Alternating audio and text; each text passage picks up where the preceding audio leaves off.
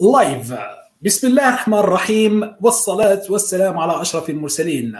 مشاهدينا ومستمعينا الكرام أينما كنتم السلام عليكم ورحمة الله تعالى وبركاته. أواشركم بالصحة والهنا كما نسأل الله أن يرفع عنا وعنكم هذا الداء والوباء إن شاء الله. أهلا بكم في حصة كاش بوليتيك. كاش بوليتيك وهو أول بودكاست جزائري يعنى بالشؤون السياسية المحلية والدولية. نحاول فيه رفع اللبس عن العديد من القضايا التي تهم الشأن الجزائري والعالم. هذا البودكاست من تقديم أنا الدكتور يحيى محمد لمين مستاك أستاذ في العلوم السياسية والعلاقات الدولية. يمكنكم الآن الاستماع للبودكاست عبر تطبيق سبوتيفاي وإنكور. وذلك عندما ربما تكونوا تمارسوا الرياضة أو راكم طيبوا أو راكم حاصلين في السيركيلاسيون في السياقة. ربما آه يعني راك راك راك قاعد تستخلوة وحب تسمع آه تثقف. يمكنك استماع إلى كاش بوليتيك آه من خلال العديد من التطبيقات كسبوتيفاي جوجل بودكاست والعديد من المنصات الرقمية المتواجدة في الإنترنت. أو حول التطبيقات أيضا. سيقدم اليوم لنا الدكتور عمر أكتوف كالعادة كل أسبوعين محاضرة في هذا هذه المرة في شأن الاستحالة المادية للنيوليبرالية ودراسة الاقتصاد الغير رسمي. ماذا عن الجزائر؟ وسنتحدث أيضا يعني هو ويبينار sur l'impossibilité physique du néolibéralisme et étude de l'économie informelle KID de l'Algérie troisième partie parce qu'il y avait deux avant ça, on avait tout le monde à, à, à les visionner. Euh, ils sont sur YouTube et ils sont sur Facebook, Facebook le groupe تاعنا كاش بوليتيك. خلينا نحاولوا نعطوا نبذة بسيطة حول البروفيسور عمر أكتوف. هو كما قلت بروفيسور في العلوم الاقتصادية والإدارية من جامعة سي موريال.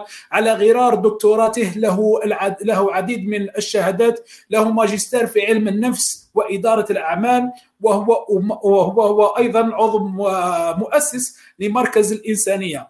له أيضا أكثر من سبع مؤلفات كلها ضمن هذه العلاقة ما بين النيوليبرالية وأيضا الإمبريالية والعولمة آه، هناك أوقف الفوضى ضع حد للإدارة الاقتصاد على الطريقة الأمريكية استراتيجية النعامة ما بعد العولمة والإدارة الاقتصاد والعقلانية الاقتصادية.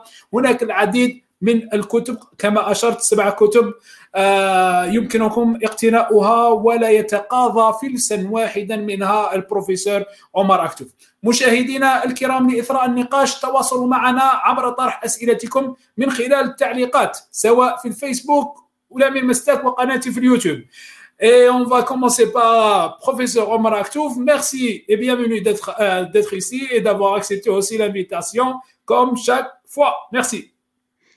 Merci à vous, merci à vous. Salam alaikum. Bonjour tout le monde. Euh, merci de votre fidélité. Là, on a pris un peu l'allure d'un feuilleton sur tous ces, tous ces sujets. Euh, je voudrais juste compléter un peu la présentation de ces euh, les mines. Effectivement, je n'ai pas juste un doctorat en économie et gestion, mais aussi euh, psychologie clinique et euh, maîtrise en économie, euh, en économie du développement particulièrement. Bon, enfin, passons. Et les livres, oui, sept livres, c'est parmi les livres personnels, mais j'en ai édité aussi une bonne trentaine, une quarantaine en collaboration dans, dans, dans plusieurs langues, euh, depuis l'italien jusqu'au brésilien, en passant par l'allemand et, et l'anglais, sauf l'arabe. Sauf l'arabe, et on doit, on doit traduire. Là, à part un, c'est l'Algérie, l'exil et la curée, qui a été traduit en arabe, c'est le seul. Mais, mais pas parmi les livres techniques. Bon, alors donc, euh, comme d'habitude, on va commencer par une euh, petite mise en contexte par rapport à ce qu'on a dit euh, les deux dernières fois, et particulièrement la dernière fois. Euh, pourquoi mise en contexte Parce qu'évidemment, mon propos est un propos qui va à l'encontre de ce que monsieur et madame tout le monde, y compris les universités, les universitaires, les étudiants, etc., euh, pensent en général. Alors, quand on a un propos qui va comme ça à l'encontre de ce que la majorité pense en général, euh, eh bien, il faut comprendre les choses et aller, au fond des choses. Il n'y a pas le choix que de prendre du temps. Et ce temps que nous prenons, croyez-moi, n'est pas perdu parce qu'il euh, y a des bases et des fondements à comprendre avant de se demander comment sortir de l'impasse dans laquelle nous sommes. Parce que le monde aujourd'hui est dans une impasse. Nous avons atteint le, fond de l'impasse, nous sommes face au mur, euh, avec notamment le Covid et ses conséquences qui, comme chacun sait, je l'ai déjà démontré dans un autre webinaire, est une conséquence directe euh, de la façon de faire de l'économie néolibérale, et je ne suis pas le seul à le dire. Euh, alors ajouter à ça les dérèglements climatiques, etc., etc. Euh, la pollution, les, dérèglements économiques un peu partout dans le monde, l'augmentation de la pauvreté, euh, des, zones inhabitables, inondables, euh, de canicules, de, de, froid extrême. Au Texas, on a vu moins de 18 degrés cette semaine. Ça ne s'est jamais vu. Il y a un siècle, en 1907, si j'ai bonne mémoire, on avait eu une, vague de froid au Texas, mais c'était quelque chose qui était autour des moins 3, moins 4, moins 5, si, si mes, mes mémoires des chiffres sont bons. Mais là, avoir moins 18 à Houston et à Austin euh, et à San Antonio au Texas, si ça se multiplie sur 4 ou 5 ou 10 États américains, surtout du Sud, eh bien, je vous garantis que le modèle américain, il va en prendre pour un, sérieux coup et, pas à peu près. Hein. Bon, donc tous ces dérèglements, il faut maintenant arrêter de se fermer les yeux. C'est la faute à l'être humain. Ce n'est pas des cycles de la nature, des cycles de la géologie, des cycles. Il y en a, il y en a, bien sûr. Mais ces cycles géologiques, se font sur les temps géologiques, c'est-à-dire sur des temps de millions d'années, de milliards d'années, de, milliers, de centaines de milliers d'années. Pas de quelques années, euh, ou quelques dizaines d'années, ou un million d'années depuis que l'être humain, l'homo sapiens sapiens que nous sommes, est sur Terre. Donc il faut arrêter de mettre la tête dans le sable et bien comprendre que tout ce qui nous arrive, c'est notre faute, enfin notre, je précise souvent que quand on dit ça, on généralise un peu trop. C'est la faute d'une partie de l'humanité qui a décidé, quelque part vers le XVe siècle, la Renaissance, et notamment avec Descartes qui a mis l'être humain au-dessus de tout euh, ce qui existe, et l'être humain particulièrement comme maître et seigneur de la nature et, comme euh, libre d'en faire ce qu'il veut, comme il veut, autant qu'il veut, eh bien, c'est cette humanité-là dont je parle. Les Bangladais au Bangladesh n'ont aucune responsabilité dans le fait que le Bangladesh est complètement inondable. Cette responsabilité est à Londres. D'abord, la révolution industrielle.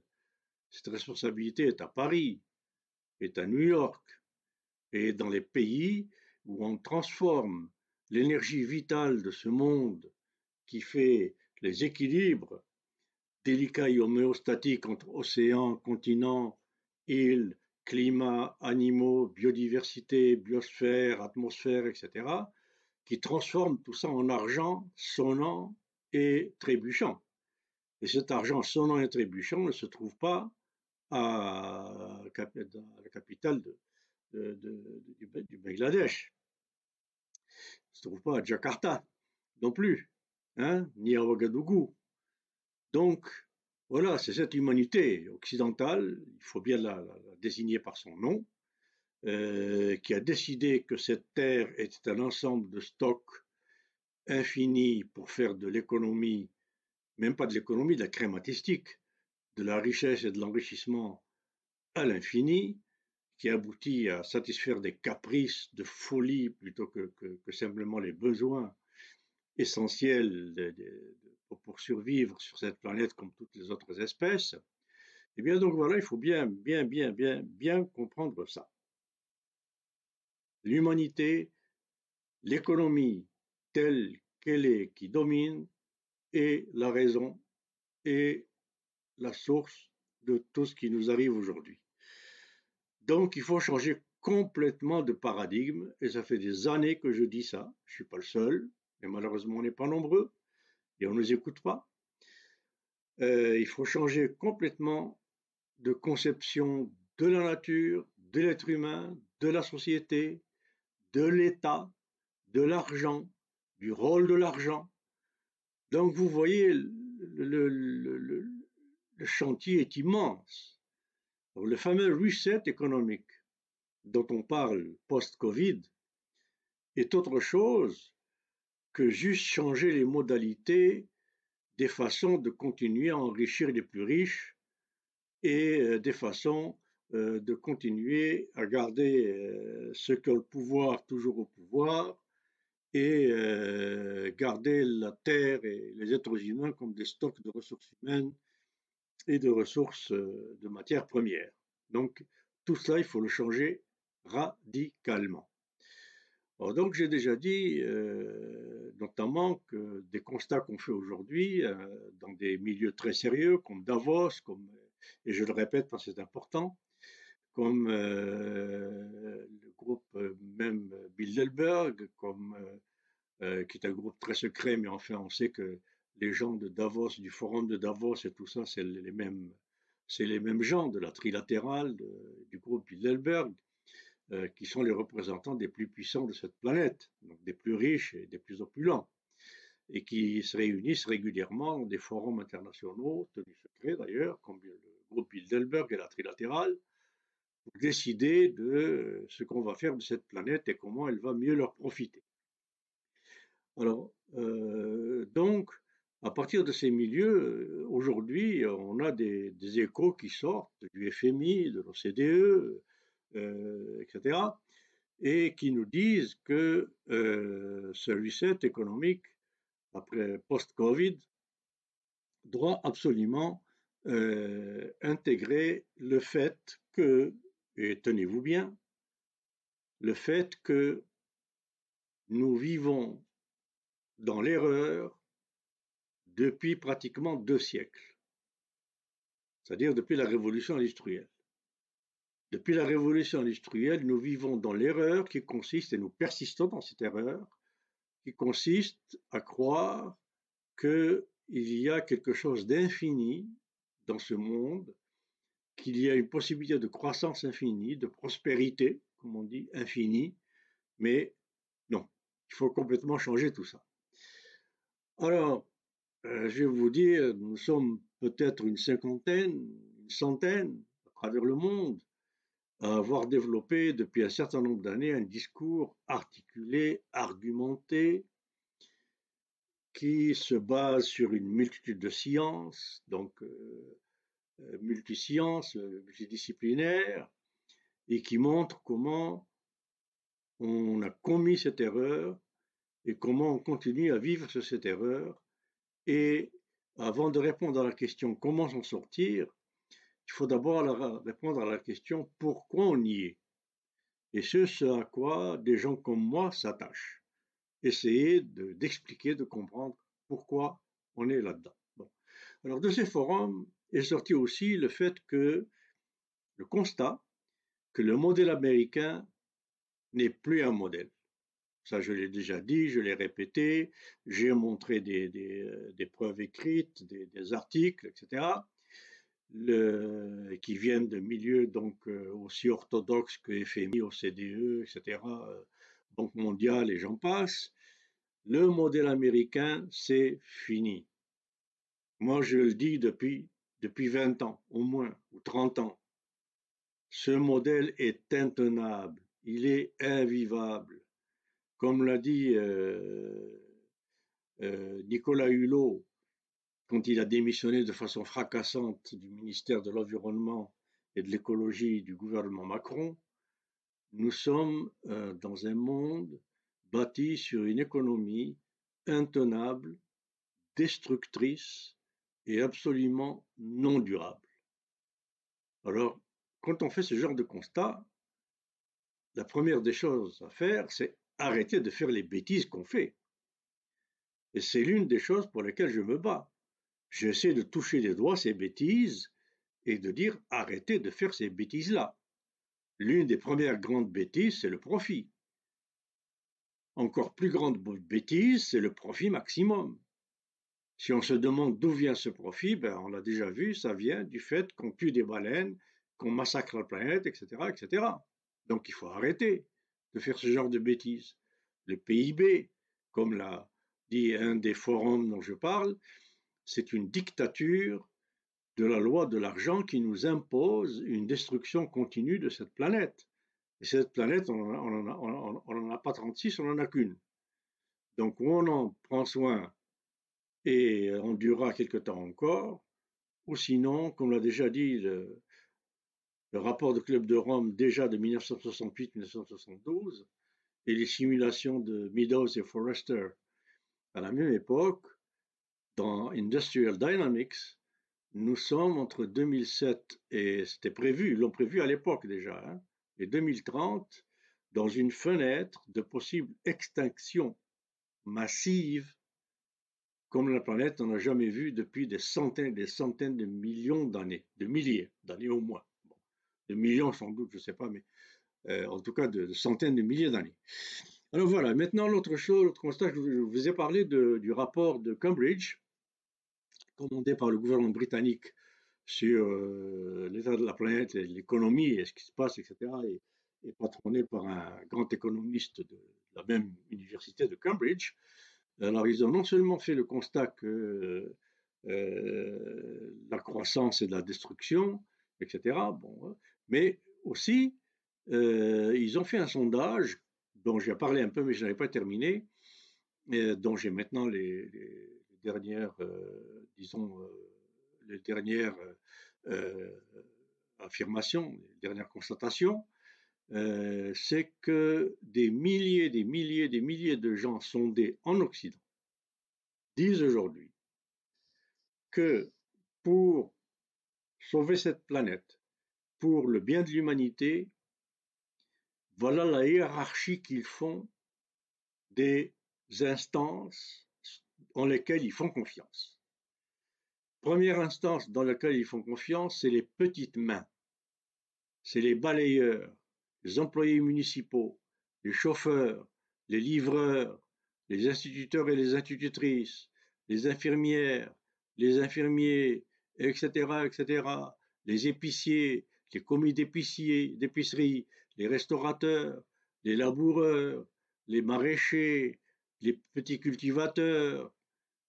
Voilà ceux qu'ils placent en premier, en qui ils font confiance pour maintenir le bien-être de l'humanité et cette planète. En deuxième, c'est les personnels soignants, donc toute catégorie jusqu'aux médecins. En troisième, c'est les fonctionnaires, donc les employés de l'État.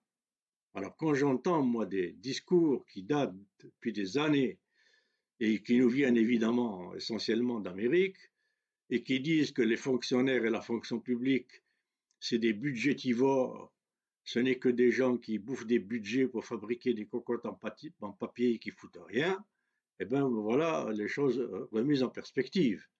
Je ne dis pas que ce n'est pas vrai. C'est vrai qu'il y a des lieux où des fonctionnaires, etc., mais il faut savoir pourquoi. Et comprendre pourquoi les fonctionnaires du Japon, de Corée du Sud, de Malaisie, de Singapour, d'Allemagne, de Scandinavie sont les gens les plus respectés, les plus considérés de la société et non pas les businessmen, comme en Amérique. Et pourquoi ils font un travail colossal 80% de l'emploi, par exemple, en Suède, est un emploi très décentralisé parce que tout se passe au niveau des municipalités et de la décision de la population elle-même au niveau le plus décentralisé possible. 80% pratiquement de l'emploi est un emploi public en Suède. Et la Suède est un des pays qui se porte, qui les mieux au monde en particulier sur le plan de la santé et, du bien-être de la société. Bon, alors donc les fonctionnaires en quatrième ou cinquième position, et bien après les patrons. Alors les patrons maintenant, c'est fini. La confiance dans les patrons, les faiseurs d'argent, les riches, les etc. D'ailleurs, où ils sont? Qui a vu parmi nos riches sortir à la télévision et, dire voilà, je sors mon carnet de chèques et je signe un chèque de 3-4 milliards de dollars à l'État pour qu'il achète des vaccins. Où est-ce qu'ils sont, ces riches? Hein? professeur, permettez-moi de vous couper un instant juste pour, euh, pour donner la, euh, un commentaire de Ahmed Sehmed. Euh, il a dit que le, le modèle américain a atteint ses limites, certes, mais il sera encore là pour longtemps grâce au GAFA, entre autres. Oui, Sehmed, hein, je, je, profite pour te saluer, mon ami. ah oui, mais malheureusement, oui, mais malheureusement, mais c'est, il faut le déplorer. il faut déplorer. Quand on voit que Amazon est en train de d'étouffer, de, de, tenir par la gorge et de faire du chantage à des États entiers comme l'Australie, ben franchement, il n'y a pas de quoi se réjouir. C'est une catastrophe.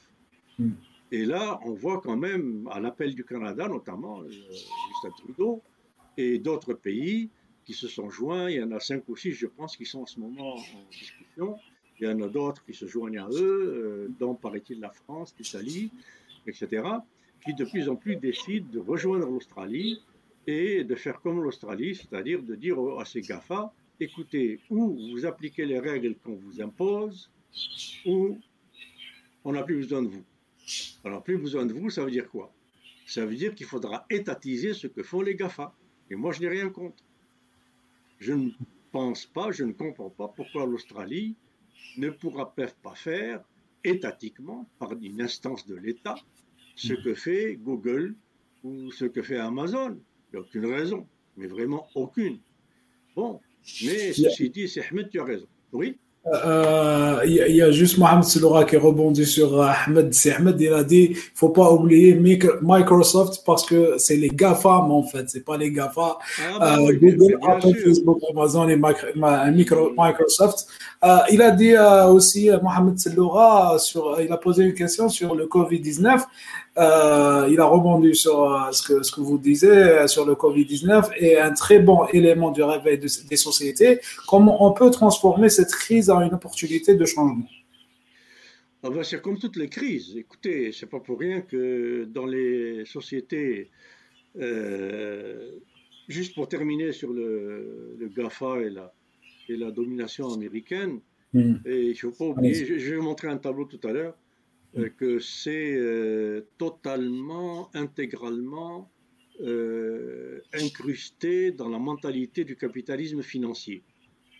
Donc de spéculation, de, etc., etc. Ce que représentent monétairement ces pays, GAFA, qui, pèsent pratiquement les PIB des, plus grands pays du monde, ou, presque, c'est de l'argent de spéculation, d'usure, de, etc., de ce type-là, totalement destructeur qui, n'a aucune utilité derrière.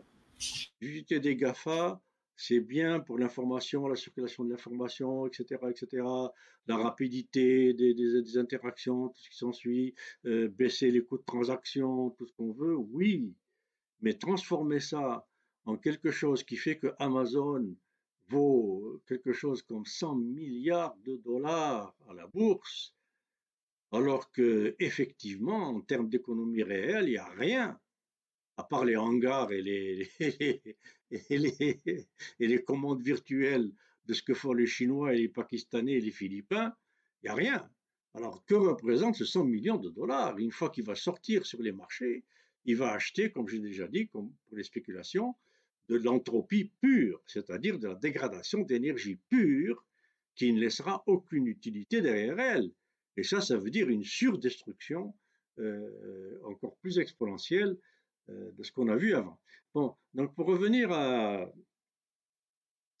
ces, euh, lois et comment transformer cette crise en opportunité, pas pour rien que le mot crise, obstacle, dans la plupart des langues du moyen d'Extrême-Orient, veut dire en même temps opportunité une crise et un obstacle, c'est pas c'est pas juste un mur, c'est pas juste une, une impossibilité, c'est pas juste c'est une opportunité pour réfléchir à ce qui ne va pas.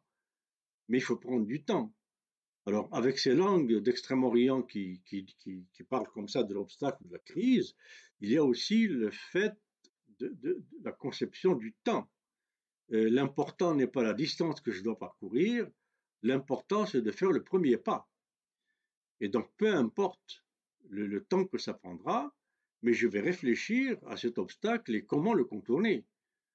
Or, ce que veut le modèle d'économie à l'américaine et le capitalisme financier, c'est vite, vite, vite, vite revenir à la croissance. Vite, vite, vite, euh, remplir les coffres des banques, etc., etc. Alors voilà, ce sera, une opportunité si on prend la sagesse de prendre le temps pour ce qu'il est, c'est-à-dire un, moment d'arrêt qui permet de prendre du recul et de prendre du recul non pas seulement en termes de how to, mais du recul en termes de why. Pourquoi? Pourquoi sommes-nous dans ce Covid? Et juste cette question pourquoi sommes-nous dans ce Covid? Ça serait des, dizaines, des dizaines et des dizaines de livres. Bon, il y en a déjà. Alors donc voilà la condition pour que ça. Alors donc les patrons sont en, je sais pas, euh, en avant-dernière position. Alors je repose la question, s'il vous plaît, s'il y a quelqu'un qui connaît un riche dans le monde, hein, il y en a certainement, il y en a, il y en a. Je, je, je voudrais, s'il vous plaît, qu'on arrête de, m'accuser de généraliser, de ne pas faire euh, euh, cas des, des, exceptions, etc. Bon, il y en a des exceptions, bien entendu, mais ce n'est pas des exceptions qu'on a besoin. On a besoin de généralisation de ce genre de comportement. De gens qui, comme l'entreprise Cascade dont je parle sans arrêt, comme la, coopérative euh, Mondragon espagnole, etc., euh, comme bien d'autres, Semco au Brésil, etc., etc., des compagnies qui se soucient autant de profits que de bien-être de l'environnement, le bien-être de leurs employés, les revendications du syndicat, de la population, des quartiers, de la, de, qualité de l'école. Alors voilà, c'est ça qu'il faudrait. Alors combien de, riches a-t-on vu sortir leur chèque pour dire voilà, on est là pour le bien de l'humanité hein? C'est ce qu'on nous enseigne dans toutes les écoles d'économie et toutes les écoles de business. Les patrons sont les bienfaiteurs de la société, sont les créateurs d'emplois, les créateurs de richesses, les créateurs de ceci, les créateurs de cela. Il y en a. C'est ce que j'appelle des patrons entrepreneurs après un certain Thorstein Veblen, qui était patron de la faculté d'économie euh, de Chicago euh, au début du siècle dernier, et euh, qui a écrit donc deux livres extraordinaires, La théorie de la firme, The Theory of the Firm et The Theory of Leisure Class, et la théorie de la classe oisive. Qu'est-ce que c'est la classe oisive pour lui?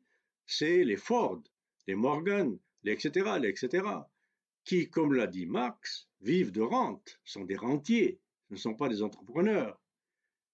Les banquiers, les financiers, etc. Et tout ça, on le trouve dans les livres de cet ex-patron de la faculté de Chicago d'économie, qui est aujourd'hui la faculté d'où est sorti le néolibéralisme et donc cette branche néolibérale du néoclassicisme. Alors donc les patrons ont dégringolé dans la confiance de la population occidentale, en tout cas sondée par ce rapport, et derrière les patrons, les politiciens alors, les gens font encore moins confiance aux politiciens qu'aux patrons. Après les patrons, les journalistes. Je, suis désolé, mais c'est comme ça. C'est le sondage qui le dit. Je suis surpris aussi, mais comment être surpris? Est-ce qu'il y a encore des journalistes aujourd'hui? Ils sont où ces journalistes? Comme l'a fait à la blague, euh, euh, euh comment s'appelle? Gérard, Laurent Gérard, le, l'humoriste français, il raconte une blague dans laquelle il met en scène un jeune enfant qui est menteur compulsif, euh, qui n'arrive pas à se contrôler, euh, pour dire des mensonges tous azimuts, et qui s'inquiète auprès de sa maman de son avenir. Alors sa maman lui dit T'inquiète pas, mon, mon, fils, si tu es un menteur compulsif, il y a un métier qui t'attend, c'est journaliste. Alors, Laurent Gérard, c'est quand même pas Karl Marx. Hein. Bon, pour qu'on fabrique des. Vous savez, l'humour et le sens de l'humour d'une société est très significatif de ce qui se passe dans cette société-là. Alors, euh, j'ai déjà dit, bon, quand un journaliste vous dit des migrants euh, machin en Méditerranée, il vous raconte un mensonge gros euh, comme sa télévision.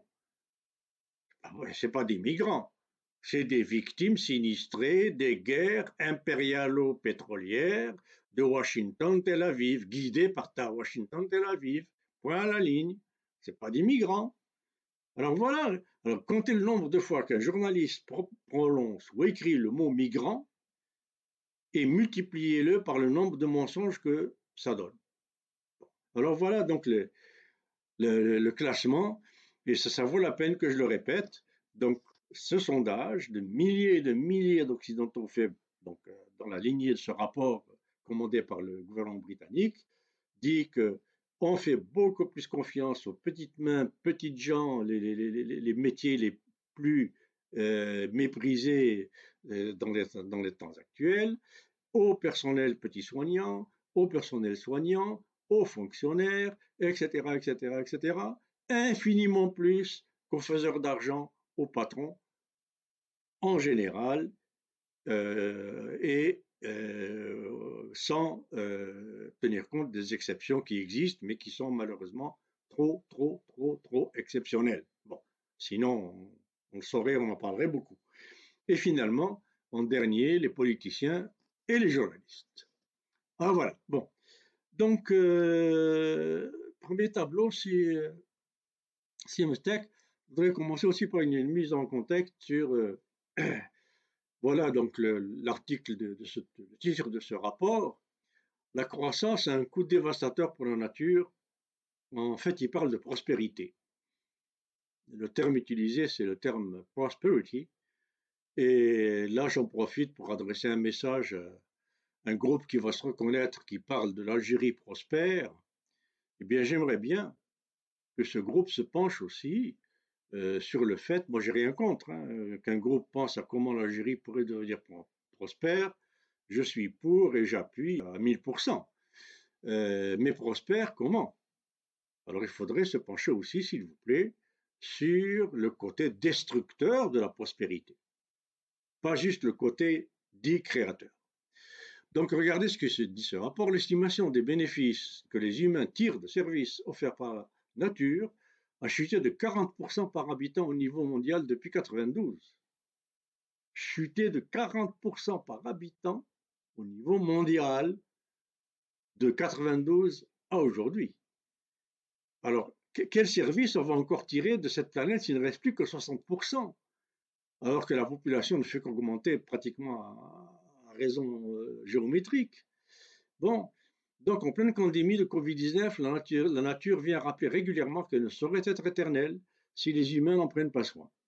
Un nouvel avertissement est formulé par un rapport de 600 pages, commandé il y a deux ans, moi j'ai reçu un résumé, par le gouvernement britannique, fruit du travail des spécialistes internationaux coordonnés par le professeur d'économie de l'université de Cambridge, Partha Dasgupta. Il dresse un bilan inquiétant quant aux aspects économiques, sanitaires et sociaux de la croissance économique. Alors l'autre tableau, s'il te plaît. Et donc, pour euh, celles et ceux qui veulent aller plus loin, voilà le lien. Euh, je vous laisse le temps de... Euh, ah, non, ça reproduit le titre, excusez-moi.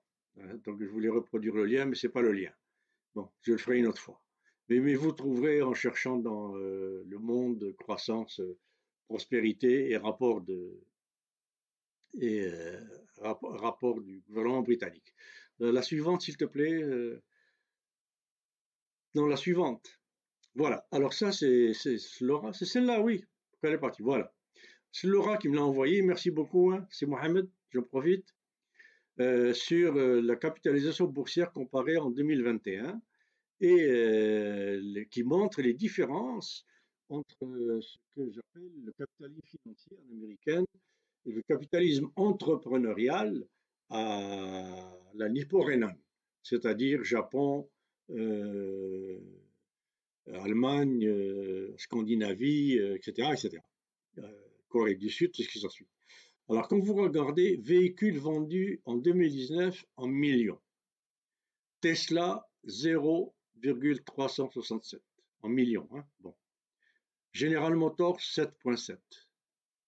Toyota 10.7 et Volkswagen 11. Alors, quels sont les véhicules qui ont de la qualité, qui ont de la durée, qui ont euh, ce qu'il faut pour que le consommateur soit content, pour qu'il les rachète, etc. Est-ce que c'est les Américains ou les Japonais et Allemands? Bon, chiffre d'affaires en 2019 en milliards. Tesla 24, General Motors 137, Toyota 263, Volkswagen 308. Alors, s'il vous plaît, quel modèle faut-il suivre? Celui de Toyota et Volkswagen ou celui de Tesla et de General Motors? Bénéfice en 2019 en milliards. Tesla moins 0,7. GM, General Motors 8,5. Toyota 25. Volkswagen 22,4. Bon, les chiffres parlent d'eux-mêmes. Mais regardons maintenant la différence capitalisme financier, capitalisme euh, euh, entrepreneurial sous euh, l'angle de la valeur à la bourse, donc la spéculation, le vent, l'argent qui n'est que du vent, et la capitalisation réelle, la valeur réelle de l'entreprise. Alors, valeur comptable résiduelle réelle en 2019 en milliards. Tesla 45, General Motors 240, Toyota 498, Volkswagen 595. Alors cette valeur comptable comprend le know-how, comprend la capacité de production installée, incluant les employés, la technologie, la formation des employés, etc., etc. Capitalisation boursière en janvier 2021, milliard toujours, alors, si Tesla, sa valeur comptable réelle est de 45, sa valeur à la bourse est de 834. Donc, vous faites 834 moins 45 et vous avez un chiffre qui vous donne de l'argent qui n'est que du vent. D'ailleurs, vous le savez, et qui est plus, beaucoup plus nocif que n'importe quel autre argent, comme j'ai déjà démontré. L'argent de spéculation achète de l'entropie pure, de la dégradation d'énergie pure, parce qu'il ne laisse aucune utilité derrière lui. Et Tesla est arrivé à ça notamment en achetant un milliard et demi de Bitcoin. Alors ça, je reviendrai à un autre webinaire, Inch'Allah, il faudra se pencher là-dessus. Les, crypto-monnaies, qu'est-ce que c'est que ce, nouveau phénomène? Il faut se pencher un peu là-dessus. C'est que tout simplement, les spéculateurs se rendent compte qu'il y a des limites à faire confiance à la monnaie fiduciaire, c'est-à-dire la monnaie en papier, etc., euh, traditionnelle, parce qu'elle est basée sur la dette. Cette monnaie-là est basée sur la dette. Pourquoi sur la dette? Parce que c'est sur le crédit. Et tout ce système du capital financier ne fonctionne que sur crédit, c'est-à-dire endettement, euh, consommation et paiement d'intérêt. Donc c'est cet intérêt et cette consommation et les profits qui permettent qui font la valeur de la monnaie fiduciaire. Or, basé juste sur la dette, ça devient dangereux. Alors, ils veulent autre chose qui soit euh, éloigné donc de l'appui sur la dette et donc euh, on invente comme ça cette euh, crypto-monnaie qui n'est pas de la monnaie fiduciaire qui est quelque chose d'assez opaque on ne sait pas trop mais enfin on va essayer j'essaierai dans un webinaire de décortiquer ça mais voilà donc en achetant un milliard et demi de bitcoin alors vous savez les bitcoins il y a six mois huit mois ils valaient 20 000 dollars l'un un bitcoin Aujourd'hui, il vaut 50 000 dollars. Mais il peut très bien, après-demain, baisser à 10 dollars, du jour au lendemain. Parce que s'il n'est pas basé sur la dette, s'il n'est pas basé sur la... Euh, c'est une monnaie qui n'est pas basée sur la dette, ni basée sur la monnaie fiduciaire, c'est-à-dire ce que, ce que les banques euh, engrangent comme réserve, etc., eh bien, il est basé sur quoi? Il est basé sur le simple sentiment subjectif de confiance de monsieur et madame tout le monde dans, dans cet objet bizarre qu'on appelle Bitcoin. Aujourd'hui, ils ont confiance, ils achètent des bitcoins, ils payent en bitcoin, etc. Donc le bitcoin monte. Demain, après-demain, ces gens vont commencer à se dire Ah, mais il est trop monté, il va peut-être descendre, je vais, maintenant qu'il vaut 100 000 dollars, je vais vendre. Et dès que 25-30% des détenteurs de Bitcoin se mettent à vendre, ben le Bitcoin va dégringoler comme neige au soleil. Alors voilà vers quoi on va. Donc on va de mal en pis. Ce n'est pas du reset de l'économie financière, ça, pas du tout. Bon, Alors voilà donc euh, une longue mise en contexte, mais qui valait la peine, je pense. Donc on, revient, à moins que si euh, euh, Mohamed Lamine ait quelques remarques, sinon je reviens à la suite de là où j'en étais la dernière fois. En fait, c'est Mohamed Selloura qui, qui, vient de m'envoyer aussi cette, cette, image sur les géants de la tech ne connaissent pas la crise.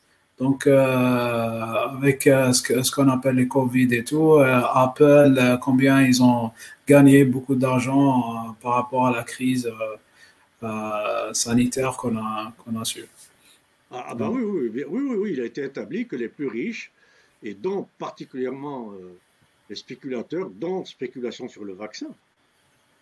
Le vaccin contre le Covid a servi de spéculation pour enrichir des laboratoires et des compagnies, mais mais d'une manière euh, spectaculaire. Euh, les 10% les plus riches, euh, dans le rapport d'Oxfam, ont mis 9 mois du monde, 10% hein, les plus riches, du monde occidental bien entendu, la plupart, 9 mois pour récupérer tout ce qui a été perdu pendant toute la période du Covid, c'est-à-dire une année à peu près. Une année maintenant. Le reste, des plus pauvres, il leur faudra 10 ans, d'après les, simulations, d'après les, donc les, euh, projections, il faudra 10 ans pour récupérer. Alors ce tableau exprime très bien comment euh, les géants de, ce qui fait beaucoup plus l'aspect le moins tangible, le moins utilitaire de l'économie réelle, s'enrichit beaucoup plus, et particulièrement en temps de crise, ça, j'ai déjà dit dans un autre webinaire à propos de, la crise de 2008, comment les crises sont des mécanismes qui font partie intégrante du fonctionnement et de l'évolution du capitalisme financier. Il a besoin de crises périodiques pour faire des sauts quantiques. Parce qu'à chaque crise périodique, il fait des sauts comment? Il fait des sauts en augmentant les taux d'intérêt. Donc, c'est les banques, etc., la bourse, tout ça qui, qui, euh, qui se mettent à, s'enrichir. En, euh, il fait des sauts comment? En spéculant sur les, produits de première nécessité, comme le blé, etc., comme l'a établi Marty Hassen lors de la crise de famine des années 40, etc. etc.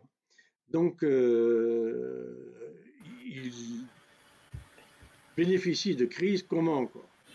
En profitant pour faire du chantage aux contribuables à qui demandent. Alors, je lis des articles régulièrement qui sortent d'officines néolibérales, euh, dont les officines du FMI, etc., etc., et qui disent comment il faut que les États pensent à taxer beaucoup plus avec les taxes indirectes qu'avec avec les taxes directes, et surtout baisser les taxes sur les entreprises et augmenter les taxes indirectes, c'est-à-dire les taxes que monsieur et madame tout le monde paye.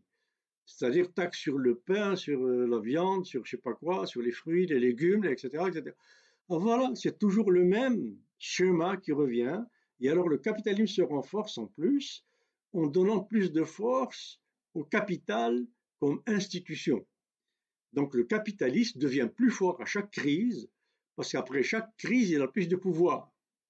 Il a plus de pouvoir parce qu'il baisse le salaire des, salariés. Il a plus de pouvoir parce qu'il baisse celui, il baisse le pouvoir des syndicats.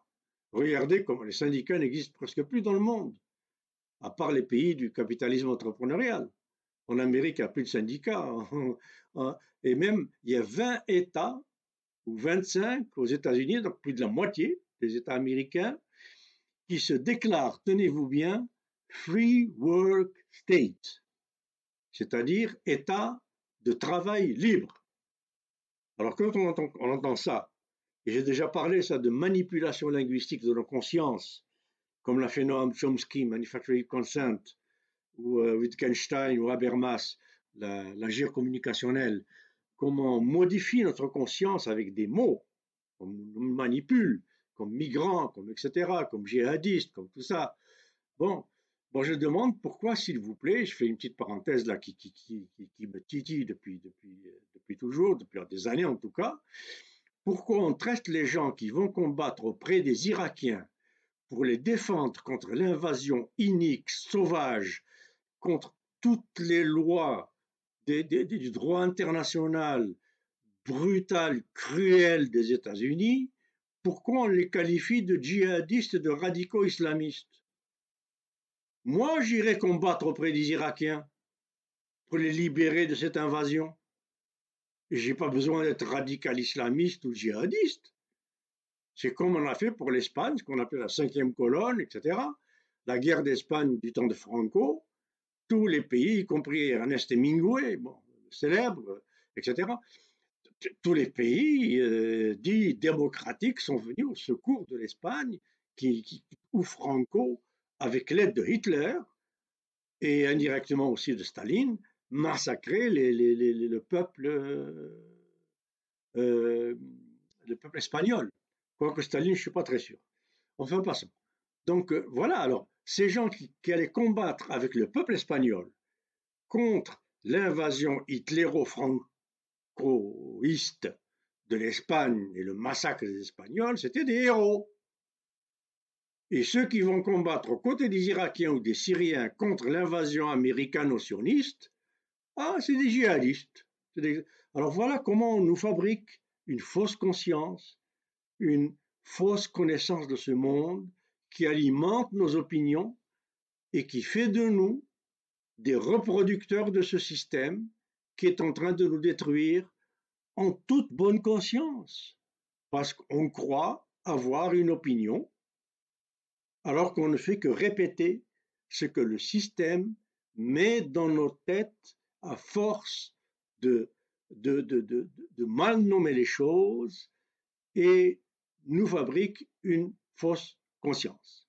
Alors ça vaut aussi pour l'économie, ça vaut aussi pour euh, ce qui nous arrive aujourd'hui avec euh, quel reset post-Covid. Bon, alors, euh, donc je disais, le capital profite de chaque crise et euh, on en était, je ne sais pas, est-ce que j'ai perdu le fil? Non, il n'y a pas de problème. en fait, on, en fait, euh, je voulais juste vous poser la question sur euh, est-ce que vous pouvez juste nous donner un bref rappel sur euh, les, démonstrations que vous avez données précédemment sur la critique radicale et aussi sur le, thermodynamique parce qu'il y a pas mal de gens qui demandent ça. Très bien. Alors, je les invite donc à revoir les deux premiers webinaires, bien entendu, parce qu'il y a des PowerPoint qui expliquent tout ça, etc. Mais euh, bon, disons très brièvement, euh, la première chose que j'ai fait, c'était d'essayer de, démontrer que ce qu'on appelle croissance, croissance infinie, etc., est impossible. Impossible pourquoi? Parce que tout simplement, notre monde est fini. Nous ne sommes pas dans un monde infini. On ne peut pas faire des profits sur des arbres à l'infini. La, la Terre ne donne pas d'arbres à l'infini. Elle donne les arbres qu'elle peut, c'est tout. Elles n'ont pas des poissons infinis, donc on ne peut pas faire des profits sur des sardines à l'infini. Alors ce qu'il faut, c'est respecter les équilibres homéostatiques et faire des profits et de l'argent avec les sardines au rythme auquel les océans reproduisent les sardines.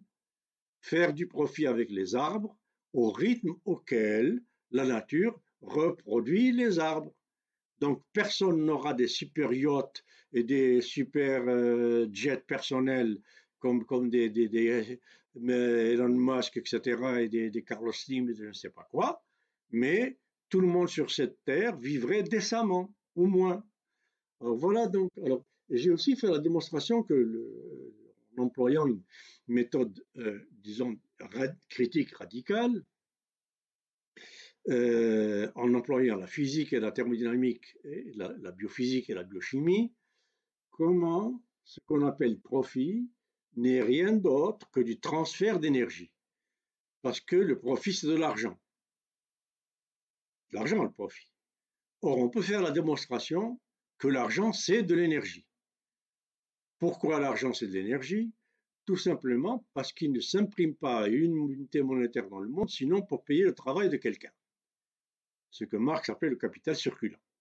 Donc tout le capital qui circule, les cartes de crédit, les monnaies, les billets, etc., que vous avez dans vos poches, dans vos comptes en banque, etc., etc., tout ça, c'est de la représentation de travail que Marx appelait cristallisé en monnaie fiduciaire. Donc, toute cette monnaie, tout ce capital représente du travail. S'il représente du travail, vous allez dans n'importe quel livre de physique, prenez mot travail, on vous dit que le travail c'est de l'énergie. Vous allez au mot énergie, on vous dit que l'énergie c'est le travail nécessaire pour vaincre l'inertie, etc., etc. Donc, s'il y a équivalence entre travail et énergie, s'il y a équivalence entre argent et travail, il y a donc équivalence entre argent et énergie. Donc, ce qu'on appelle profit, ce n'est pas quelque chose de créé, c'est de l'énergie que s'accapare le capitaliste, celui qui fait des profits. Et moi, je me pose la question, d'où vient cette énergie? Parce qu'on ne crée pas d'énergie. On ne crée pas l'énergie solaire, on ne crée pas les rayons solaires, on ne crée pas le vent, on ne crée pas le pétrole, on ne crée pas le gaz, on ne crée pas le charbon, on ne crée pas les arbres, on ne crée rien du tout. Bon, donc, alors, alors les GAFA, etc., je sais que beaucoup de gens euh, s'appuient là-dessus, c'est de l'information. D'ailleurs, il y a un webinaire sur l'économie de l'information que je n'ai pas terminé pour euh, la faculté de, de finance de Constantine, que je terminerai une autre fois, Inch'Allah, où j'ai commencé à faire cette, cette, cette démonstration. Donc, euh, il n'y a pas de création, il n'y a que transformation. Et à chaque fois qu'il y a transformation, il y a destruction. Donc l'information, la connaissance, ce que nous donnent les GAFA par exemple, c'est un instrument pour transformer, c'est tout. En soi, ce n'est ni une ressource, ni un bien, ni une utilité. C'est même un coût, parce qu'il y a un coût à produire cette information. Les bâtiments, les ordinateurs, etc., etc. Bon, passons. Et les gens qui travaillent dedans, euh, avec, etc. Bon. Mais euh, une fois qu'on utilise cette information, pour faire quelque chose qui va dans l'économie réelle des utilités, qui fait vivre les gens, qui les fait habiter, qui les fait se transporter, qui les fait s'abriter, qui les fait s'habiller, qui les fait se nourrir, etc., eh bien cette information transforme quelque chose de cette planète en autre chose, transforme un arbre en table, une sardine en boîte de sardines en conserve, etc.. Or, cette transformation fait des victimes. Et ces victimes, c'est la quantité d'énergie perdue, dégradée, transformée en profit. Et j'ai donné l'exemple de General Motors, qui, et c'est un exemple réel, véridique, tel quel, quand General Motors fait des profits, entre autres, il y a des baleines et des grands cétacés, etc., qui meurent par dizaines, par centaines dans le golfe du Saint-Laurent parce qu'ils sont farcis de métaux toxiques lourds qui sortent directement des usines de General Motors et qui vont intoxiquer et empoisonner ces animaux qui perdent le sens de l'orientation, qui s'échouent euh, sur les berges, etc., et qui meurent. Alors, à combien peut-on estimer une baleine? Une baleine adulte, c'est quoi? 100 milliards de dollars? Eh bien, quand General Motors fait 100 milliards de dollars de profit, c'est une baleine perdue pour la planète. C'est un écosystème perdu. C'est un changement de courant de, marin, de euh, froid ou chaud. C'est un changement dans l'atmosphère, c'est etc., etc. Donc, voilà un peu ce que j'ai démontré dans le premier séminaire là-dessus, sur le rapport entre thermodynamique, énergie et profit. Bien se mettre dans la tête, importantissime, on ne crée rien. On ne fait que transformer.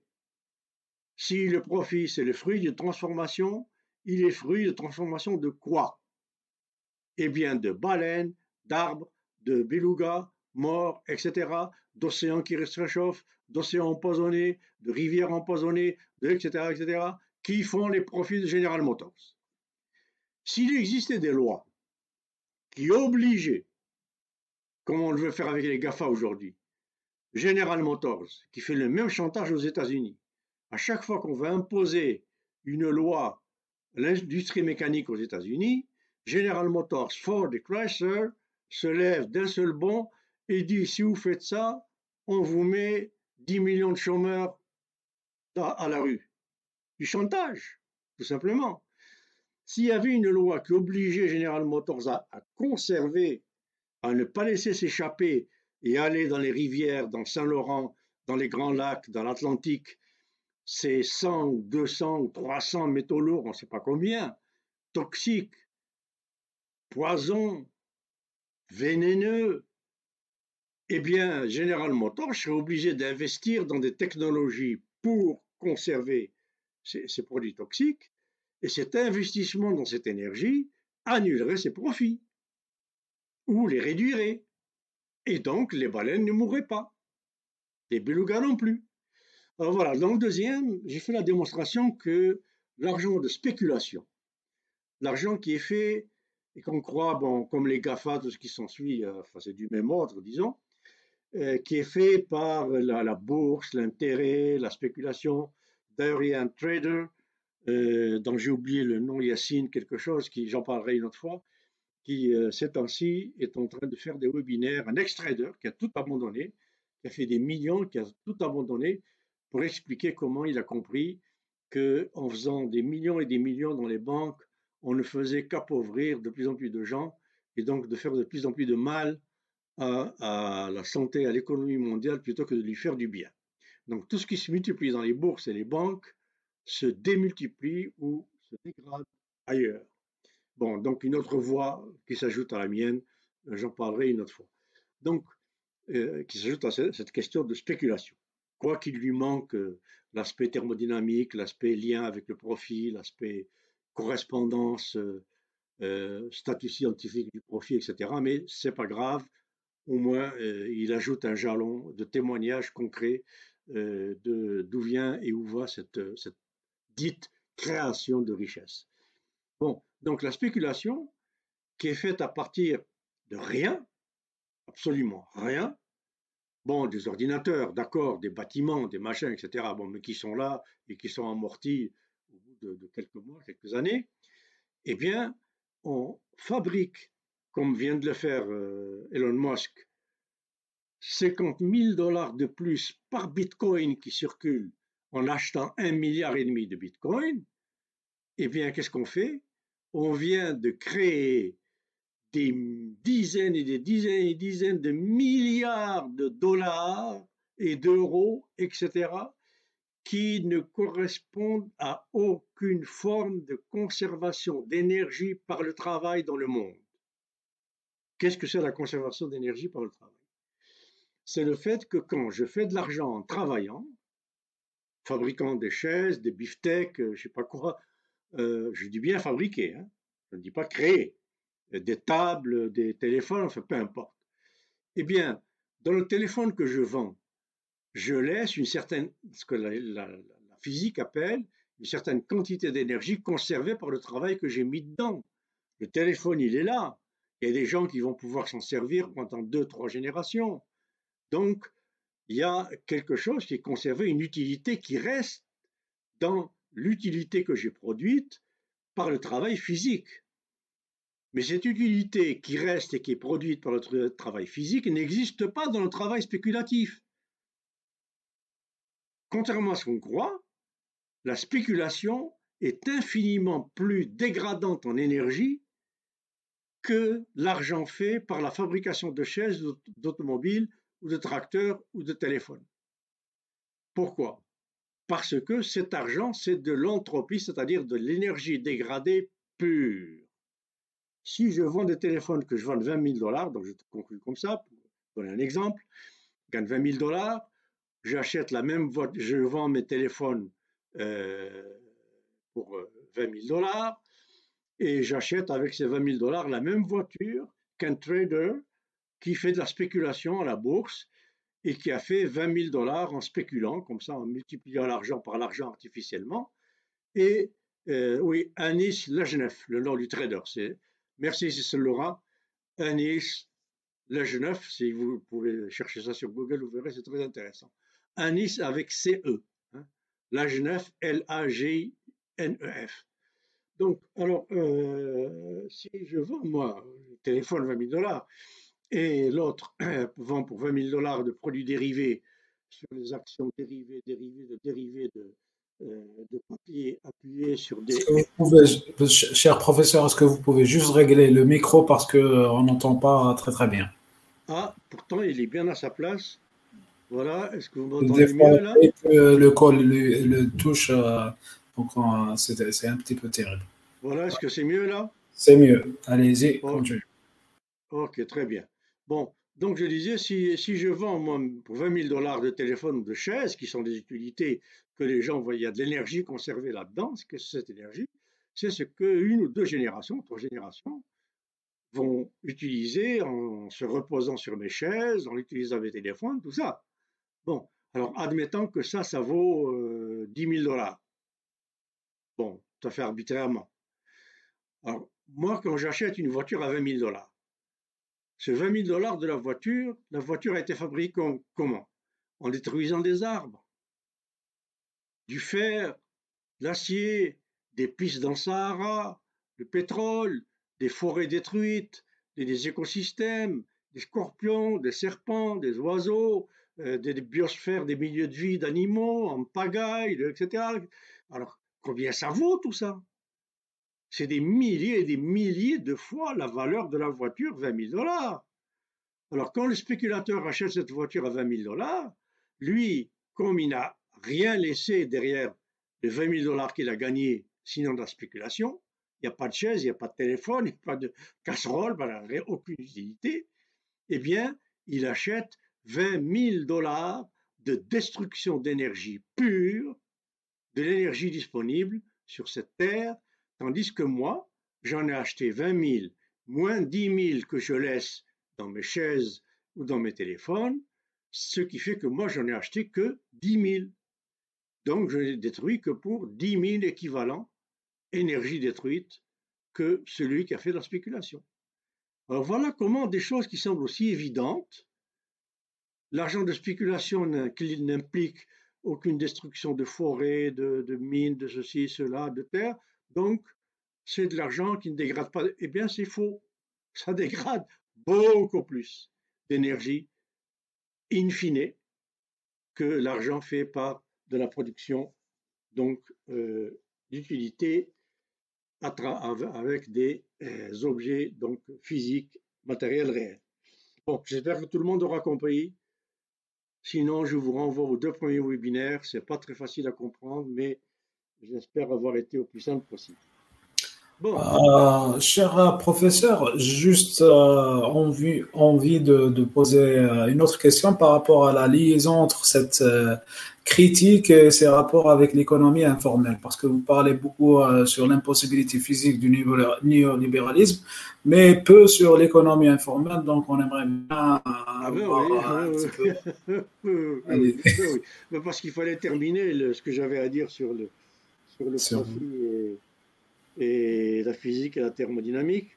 Euh, bon, je reviendrai plus tard sur d'autres pseudo euh, possibilités de s'en sortir avec l'intelligence artificielle, la robotisation, pas bon, d'autres. Parce qu'il y a encore du rêve là, euh, possibilité de corriger tout ça, et c'est très lié. C'est lié autant à la question de la thermodynamique et du profit qu'à la question de l'économie informelle. Alors, quel, est le lien entre tout ce que je suis en train de dire depuis maintenant trois webinaires et l'économie informelle? Eh Bien, c'est que l'économie informelle, c'est une économie qui existe depuis des temps immémoriaux. C'est l'économie informelle, c'est l'ancêtre des ancêtres de la façon dont les êtres humains produisent et échangent entre eux depuis, euh, depuis euh, la nuit des temps. Bon. Alors, depuis la nuit des temps, jusqu'au 7e siècle avant Jésus-Christ, il n'y avait pas de monnaie, il n'y avait pas l'argent, il n'y avait pas la spéculation, il n'y avait pas de banque, il n'y avait pas de bourse. Donc, cette économie informelle que nous héritons depuis les temps immémoriaux à garder les caractéristiques, en tout cas principales, de ce qu'elle était depuis les temps immémoriaux. Qu'est-ce a été depuis les temps immémoriaux? C'est ce qu'appelle par exemple l'un des chefs de file de l'école d'historiographie des annales. Alors je ne vais pas donner systématiquement, comme j'ai déjà fait, des biographies ou des bibliographies pardon, euh, au début de chaque webinaire. Au fur et à mesure, je vais vous citer des noms et des références et je vous prie de noter donc d'aller chercher pour, si vous voulez, creuser les, questions euh, dont je parle. Donc l'un des chefs de file de l'école d'historiographie dite des annales, euh, Fernand Brodel, Brodel B-R-A-U-D-E-L, euh, dans Histoire des échanges et des civilisations dans le bassin méditerranéen. Trois tomes, donc sur Histoire des échanges, mais une histoire des échanges pas basée sur l'économie économique ou économiciste, mais basée sur l'économie dite anthropologique. Un peu comme Karl Polanyi, comme euh, euh, Godelier, Lucien Sfez, euh, Maurice Godelier, bon, etc. Donc, ce que dit Fernand Brodel, c'est que cette économie-là se fait dans ce qu'on appelle, ce qu'il appelle, ce qu'on appelle dans l'économie dite substantiviste ou anthropologique, c'est presque synonyme, on ne va pas s'attarder sur les détails, euh, euh, s'appuie sur donc le marché ou un type de marché dit concret, physique, localisé, les yeux dans les yeux, la main dans la main. C'est ça l'économie informelle. Bon, il y a sept caractéristiques qu'on qu'on accorde à l'économie informelle. Je les ai cités, je pense, une fois. Je les donnerai une autre fois. On va décortiquer chacune de ces caractéristiques pour voir euh, qu'est-ce qu'il y a de bon, qu'est-ce qu'il y a de mauvais comment il, est nécessaire d'en sortir ou de ne pas s'en sortir. Parce que moi, je ne suis pas partisan d'éradiquer l'économie informelle, pas du tout. L'économie informelle peut être d'un très très très bon appui à l'économie en général et un appui extrêmement précieux. Euh, l'économie, euh, par exemple, euh, italienne, 50% c'est l'économie informelle, au moins, au moins. Mais c'est une économie informelle intravertie, dans la plupart des cas. C'est-à-dire une économie informelle qui circule en Italie, dont les produits et les services se font entre Italiens, etc., etc. Même si c'est du troc, même s'il n'y a pas de monnaie fiduciaire, même si cette monnaie fiduciaire ne va pas euh, dans les banques, dans les circuits bancaires. Ça reste en Italie et ça alimente le secteur informel italien, ça alimente les niveaux de vie des Italiens et ça finit par alimenter l'économie formelle, donc italienne. Alors il ne faut pas croire que l'économie informelle, c'est un, un fléau en soi. C'est un fléau selon ce qu'il est, selon la façon dont il se comporte, ou non. Bon, alors donc, euh, qu'est-ce que ça veut dire ça marcher l'œil dans l'œil, la main dans la main, etc. Eh bien, c'est l'équivalent du souk. Souk, ce qu'on appelle souk chez nous. Et euh, Karl Polanyi et euh, Arensberg, dans, dans la théorie économique à travers les systèmes et l'histoire, ont développé euh, tout un chapitre sur ce qu'ils appellent l'économie des marchés berbères.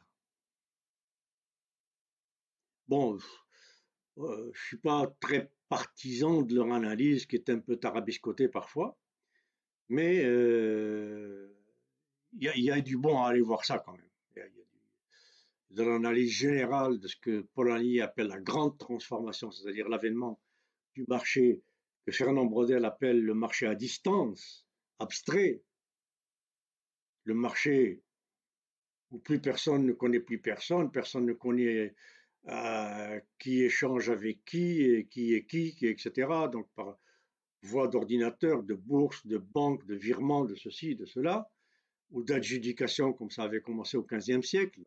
XVe siècle, ça a commencé cette économie donc de, marché éloigné eh bien, c'est le souk. Alors, qu'est-ce qui se passe dans le souk?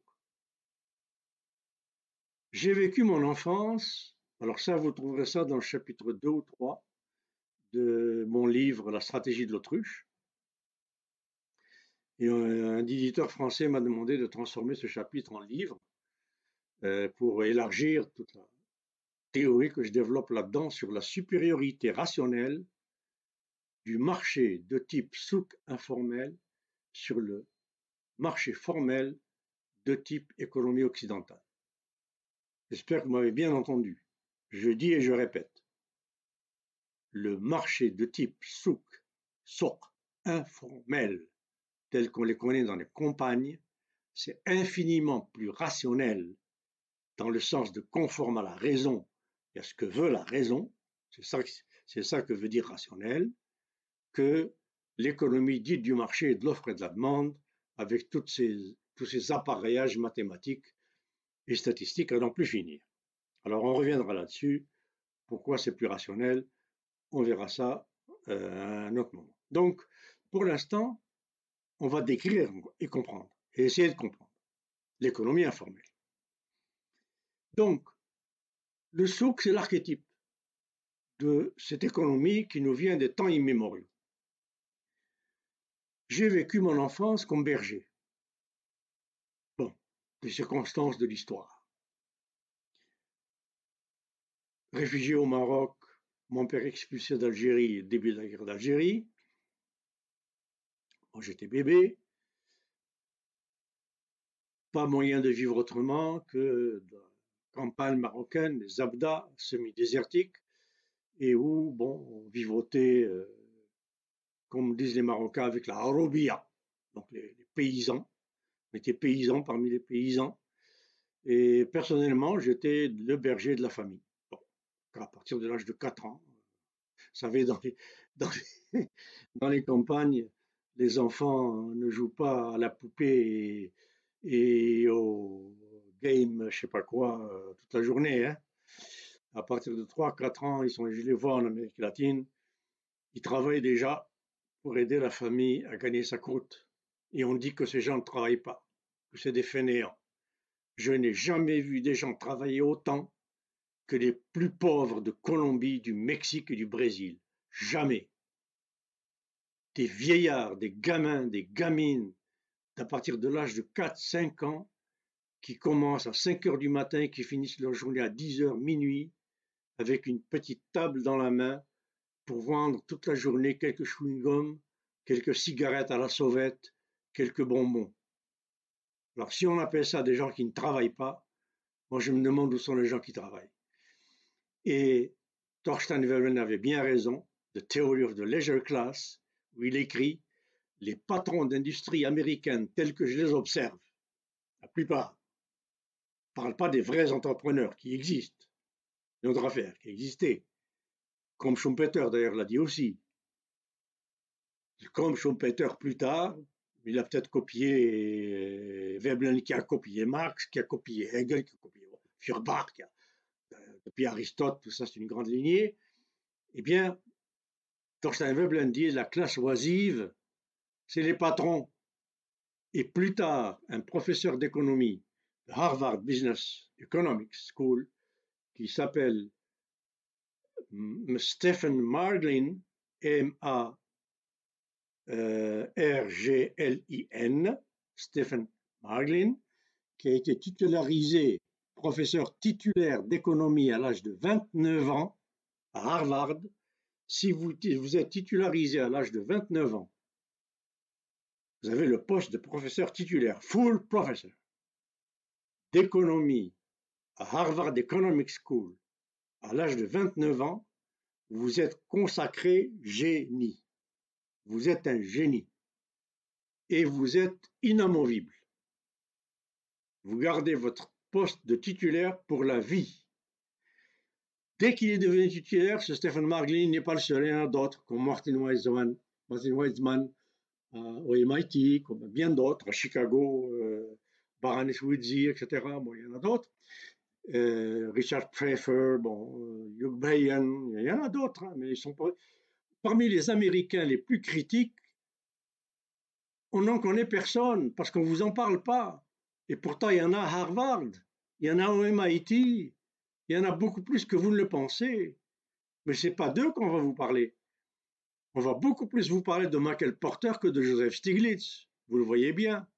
Bon, donc Stephen Maglin, dès qu'il devenu titulaire d'économie, et si j'ai bien ça parce que c'est pas pour rien, c'est un rapport très important avec ce que je suis en train de dire sur l'économie informelle, eh bien, Stephen Maglin pose la même question que euh, Thorstein Veblen de Leisure Class. Qu'est-ce qu'ils font, là, les patrons, à quoi ils servent? Et il écrit un article en 1973 que vous trouverez, qui a été publié dans Harvard Business Review, publié dans Harvard Business Review. Bon. Et plus tard, dans un livre d'André Gorz, G-O-R-Z, qui est un spécialiste de l'économie et de l'économie du travail français, qui a publié un livre qui s'intitule Critique de la division du travail, qui date des années 70, et vous trouverez ce chapitre de Stephen Marglin, qui s'intitule À quoi servent les patrons Ça s'appelle comme ça. Et en anglais, c'est What do bosses do Et encore une fois, comme Marglin, je ne généralise pas. Un patron à la cascade, un patron à la Mondragon, un patron à la Semco du Brésil, un patron à la japonaise, etc., etc., ça, c'est quelque chose. Un patron à l'américaine, c'est autre chose. Bon, donc, c'est pour ça, j'ouvre une parenthèse, que Peter Z. Waterman, Uchi, etc., etc., même porteurs ont tous échoué à essayer, avec le mouvement de la culture d'entreprise, ce qui s'ensuit, de stratégie, de blablabla, de stratégie comme culture, de blablabla, ils ont tous essayé de faire en sorte que les patrons américains continuent à se comporter comme des patrons à l'américaine, mais avec des ouvriers à la japonaise et des syndicats à l'allemande. Ça ne marche pas, ça. Tu veux des ouvriers qui travaillent comme les Japonais et qui sont impliqués dans leur travail jusqu'au fond de leur cœur, eh bien, il faut te comporter en patron japonais. C'est-à-dire comme le PDG de la Japan Airlines qui touche un revenu inférieur à celui de ses pilotes. Voilà. Si tu veux des syndicats à l'allemande qui co-gèrent avec toi et qui obligent les employés à suivre la stratégie planifiée et tout ça, ben, faut te comporter comme un patron allemand. Lequel patron allemand ne devient patron qu'après avoir été trois fois sur quatre ou sur cinq ayant débuté comme ouvrier à la base de l'entreprise. Bon, alors voilà, et qui garde comme profit ce qui reste une fois que tout ce qui a été négocié dans les plans triennaux, bienniaux, euh, euh, biennaux, euh, etc., quinquennaux, tout ça, tout ce qui a été négocié en termes de taux d'emploi, de, taux de profit, de taux de scolarisation, de ceci, de cela, du bien-être de la société, de logement, de tout, ce qui s'ensuit, quand tout ça est bien-être des vieux, des malades, tout ça est satisfait, ce qui reste peut devenir du profit. Mais s'il reste rien, tu te contentes de ton salaire. C'est tout, basta. Et tu ne licencies personne. Bon, alors voilà, je ferme cette parenthèse. Voilà comment on peut pas mélanger des bananes et des oranges et des mandarines. On ne peut pas faire faire à General Motors ce que fait Toyota. On ne peut pas faire à Chrysler ou à Amazon ce que fait General Motors. Alors, tu as, un commentaire ou là je continue avec le oui, oui, informelle? Il y a en fait euh, deux questions qui sont reliées à l'informel euh, de, bon, de Mohamed Silloura. La première question, il a dit quel est l'impact de la planche à billets lancée par la BEC, la BEC et par la Fed pour faire face à la crise Covid-19 Ça, c'est la première question. On va, on va voir la deuxième question. Est-ce que vous pouvez rebondir sur ça? Oui, ben, oui, oui, oui. Ben, il y a des gens qui, qui réfléchissent déjà là-dessus. Euh, je ne suis pas le seul. Euh, dans le monde, dans le monde diplomatique, dans je sais pas quoi, enfin bon, cette revue, on peut voir des, articles. Enfin, en tout cas, merci en passant, c'est pour votre assiduité et vos, questions. l'impact de la planche à billets va se faire essentiellement, et je vous invite à suivre un site que je respecte beaucoup, comme Mediapart, comme tout ça, mais qui va plus loin que Mediapart, qui est un site belge qui s'intitule Pour Presse. Alors c'est P-O-U-R.presse, P-E-R-E-2-S. Et c'est un site où je contribue personnellement aussi avec des chroniques. Et donc dans ce site, il y a régulièrement des chroniques d'économistes, de, gens de, euh, du Gabarit, de Stiglitz, de Petrella, etc., qui interviennent là-dedans, donc de, très haut niveau, mais pas évidemment néolibéraux, évidemment, parce que le site n'est pas néolibéral. Et donc là-dedans, il y a régulièrement des analyses là-dessus, et une des dernières, c'est comment finalement c'est le petit consommateur, comme je vous ai dit tout à l'heure, il y a déjà des officines néolibérales qui invitent les États comme Reset Economics de, post-Covid à penser à augmenter les taxes indirectes et à baisser les taxes directes. Qu'est-ce que ça veut dire ça? Ça augmenter les taxes indirectes, ça veut dire faire payer tout ce que la planche à billets a imprimé à monsieur et madame tout le monde. Parce que les taxes indirectes, c'est quoi? C'est la taxe sur le foncier, sur le logement, sur le terrain, sur les navets, sur les carottes, sur, les voitures, sur le, billet de cinéma, sur le billet d'avion, sur tout ce que monsieur et madame tout le monde utilisent tous les jours. Et ils préconisent en plus de baisser les taxes directes, c'est-à-dire les taxes essentiellement sur les entreprises. Bon. Et ils prennent comme, par exemple, par exemple, vous voyez la mauvaise foi en Amérique du Nord, au Canada et aux États-Unis, ils disent systématiquement, regardez, Canada, États-Unis, on taxe par exemple l'impôt direct sur les entreprises est de 35%, disons. Dans les pays de l'OCDE, en Europe, il n'est que de 25%. Alors que les taxes indirectes en Europe sont de 28% et en Amérique du Nord, elles sont de 23%. Bon, alors là encore, on mélange les pommes, les salades et les oranges. On oublie de dire que dans 99,9% des pays de l'OCDE, l'État, l'État pourvoit à pratiquement 50% des besoins essentiels de ses citoyens. Pensons juste à la France, à l'Italie par exemple. L'Italie où on peut avoir jusqu'à un quatorzième mois de salaire, où on peut avoir jusqu'à 2, 3, 4 mois de congés payés par an deux ans de congé parental par an, un an même pour le mari comme en Suède, où le logement est subventionné selon le revenu, où le transport public est pratiquement gratuit, la santé n'en parlons pas, l'éducation est gratuite, mais tout ça on ne le dit pas. On dit tout simplement, regardez, Amérique du Nord, 28% de taxes, 30% euh, sur l'entreprise, l'OCDE moins. Amérique du Nord tant sur la taxe indirecte, l'OCDE plus. Eh bien, il faut parler du reste aussi. Il faut parler de ce que les États font avec ces taxes. C'est de ça qu'il faut parler. Ce n'est pas juste la taxe elle-même. Bon, euh, alors donc, c'est évident, euh, si c'est Laura, c'est évident que si on laisse faire le raisonnement néolibéral, le reset post-Covid va se faire au détriment des pays les plus pauvres de cette planète et des citoyens les plus pauvres. C'est eux qui vont payer la facture. C'est clair. Déjà, on y est en neuf mois.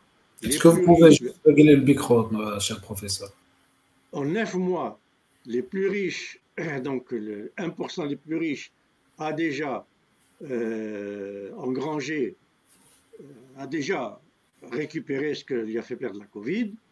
Et le 99% restant, j'avais dit 90, je me suis trompé, 99, il lui faudra 10 ans.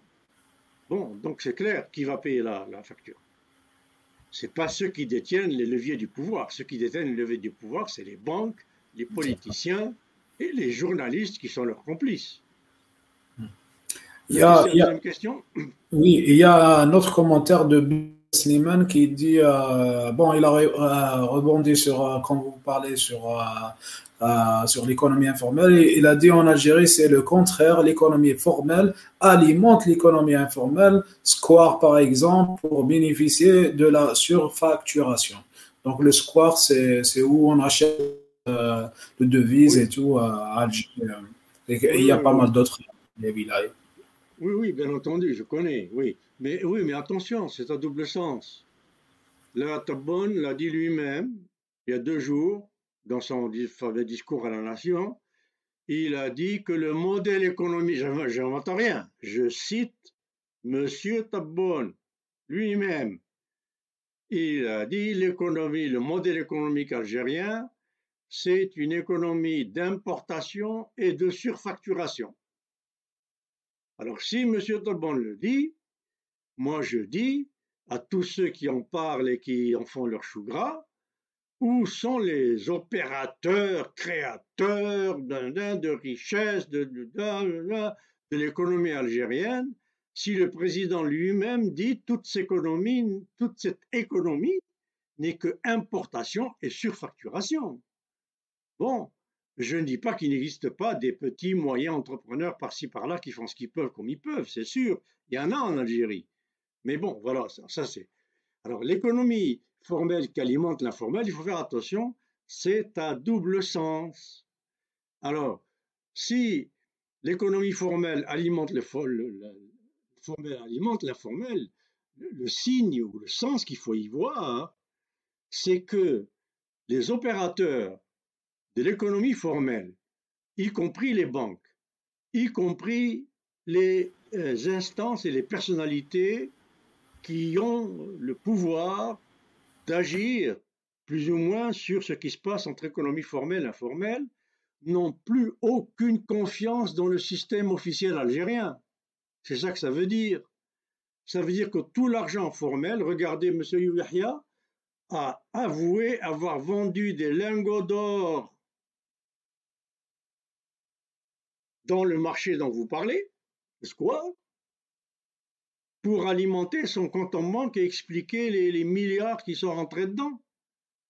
Alors ça veut dire que M. Yahya, qui était Premier ministre d'Algérie, ne faisait aucune confiance au système d'économie algérien, sinon ces lingots d'or auraient dû aller à la Banque d'Algérie, au Trésor d'Algérie, en admettant qu'il ait pu se les approprier, en faire ce qu'il veut. Alors faites attention, j'y reviendrai, mais faites attention à ça, c'est un signe que beaucoup plus que l'Algérien moyen, et même pas moyen, n'a plus aucune confiance dans le système formel que dans le fait que l'informel profite du formel. On va voir que c'est plutôt l'inverse. Alors, je ne sais pas, est-ce qu'il y a d'autres questions, commentaires? Non, il n'y a pas? Bon, alors je continue sur le, souk. Donc, euh, moi-même, j'ai grandi dans le souk. Alors, je vous ai dit Karl Polanyi, etc légère classe, l'économie de rente, que font les patrons? Je n'ai pas terminé ce Martin euh, Stephen Meiglin du euh, Harvard Business School. Et je vous répète, s'il vous plaît, il, y est toujours d'ailleurs, à ma connaissance, mais il est placardé, quoi. Il publie pas, il, il publie, oui, mais je pense qu'il est interdit d'enseignement, il est ceci, un peu comme on m'a fait moi aussi. Euh, et je ne dirai pas où, mais enfin bon, tout le monde le sait, ou presque. C'est pour ça que je suis interdit de parole un peu partout, y compris dans mon pays en particulier. Bon, donc, euh, parce que je dis les mêmes choses. Alors, l'essentiel, c'est quoi? Depuis euh, Veblen, donc 1940-1930, siècle dernier, jusqu'à Stephen Maglin, ils disent ces patrons, c'est les prédateurs de l'économie.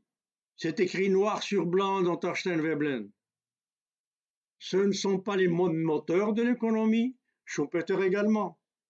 À quoi sert l'entrepreneur De Dahl, le chapitre, un chapitre dans euh, Socialisme, Capitalisme et Démocratie, où euh, Schumpeter parle de ça, the dull side of the euh, entrepreneurship. Bon, of the businessman. Donc, alors, à, quoi ils servent? Eh bien, Thorsten Veblen ne répond à rien. Il les compare aux rois fainéants. Il dit c'est comme les rois fainéants, des carolingiens. Ils sont assis sur leur trône du 40e, 50e étage des tours, etc. Ils sont gardés par des gardes du corps armés qui empêchent les employés, les syndiqués et même les clients de venir les déranger dans leur vie de, de, palace. Et c'est tout. Ceux qui font de la valeur ajoutée, c'est l'ouvrier. C'est ce qui se passe sur le plancher, c'est ce qui se passe là où, on assemble les boulons et les pièces et les, écrous. C'est là que, c'est pour ça que Toyota, du temps de Peter Waterman, c'était 3 à 4 échelon hiérarchique, alors que General Motors, c'était 18. Pourquoi on a besoin de 18 intermédiaires entre le patron et celui qui fait la voiture? Les 17 entre lui et l'ouvrier qui fait la voiture, ils servent à quoi? Quand Toyota, il n'y en a que deux. Ils font des meilleures voitures ils sont deux, entre le PDG et l'ouvrier. Général Motors, ils sont 17 ou 16. Elle est. Pourquoi?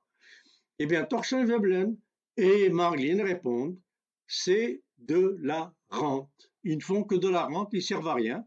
Et un certain Claude Durand, qui a renchéri sur le travail de Marlene, qui a écrit un livre qui s'intitule, euh, je pense, La hiérarchie et son rôle, quelque chose comme ça, publié chez Luno, si j'ai bonne mémoire, les années 70-80. Et il a analysé à quoi servent les contremaîtres, sur-contremaîtres, chefs-contremaîtres, chefs d'atelier, euh, chefs de groupe d'atelier, euh, chefs de section d'atelier, blablabla, tout ce qui justifie toutes les chaînes hiérarchiques, comme l'a fait aussi un peu euh, Robert Linhart avec Citroën, où il a été travaillé comme ouvrier, il s'est fait embaucher comme ouvrier, comme moi je me suis fait embaucher comme ouvrier pour nettoyer le plancher dans des, des brasseries de bière pour vivre le management du point de vue de ceux qui le subissent et non point du point de vue de ceux qui l'imposent. Euh, Robert Linhart a fait la même chose, et euh, un peu comme Claude Durand, etc. Et ils aboutissent tous au même résultat, comme Stéphane Marglin, comme tout ça. Toute cette hiérarchie, par exemple Claude Durand. Claude Durand a posé la question à des chefs de chefs contre-maîtres. Des choses comme ça. Je ne sais pas comment on les appelle. Je ne sais plus, c'est chez Renault, enfin peu importe. Ou, EDF, je ne sais plus. Et là, euh, il lui dit, bon, vous étiez, il y a six mois, vous étiez contre-maître. Oui.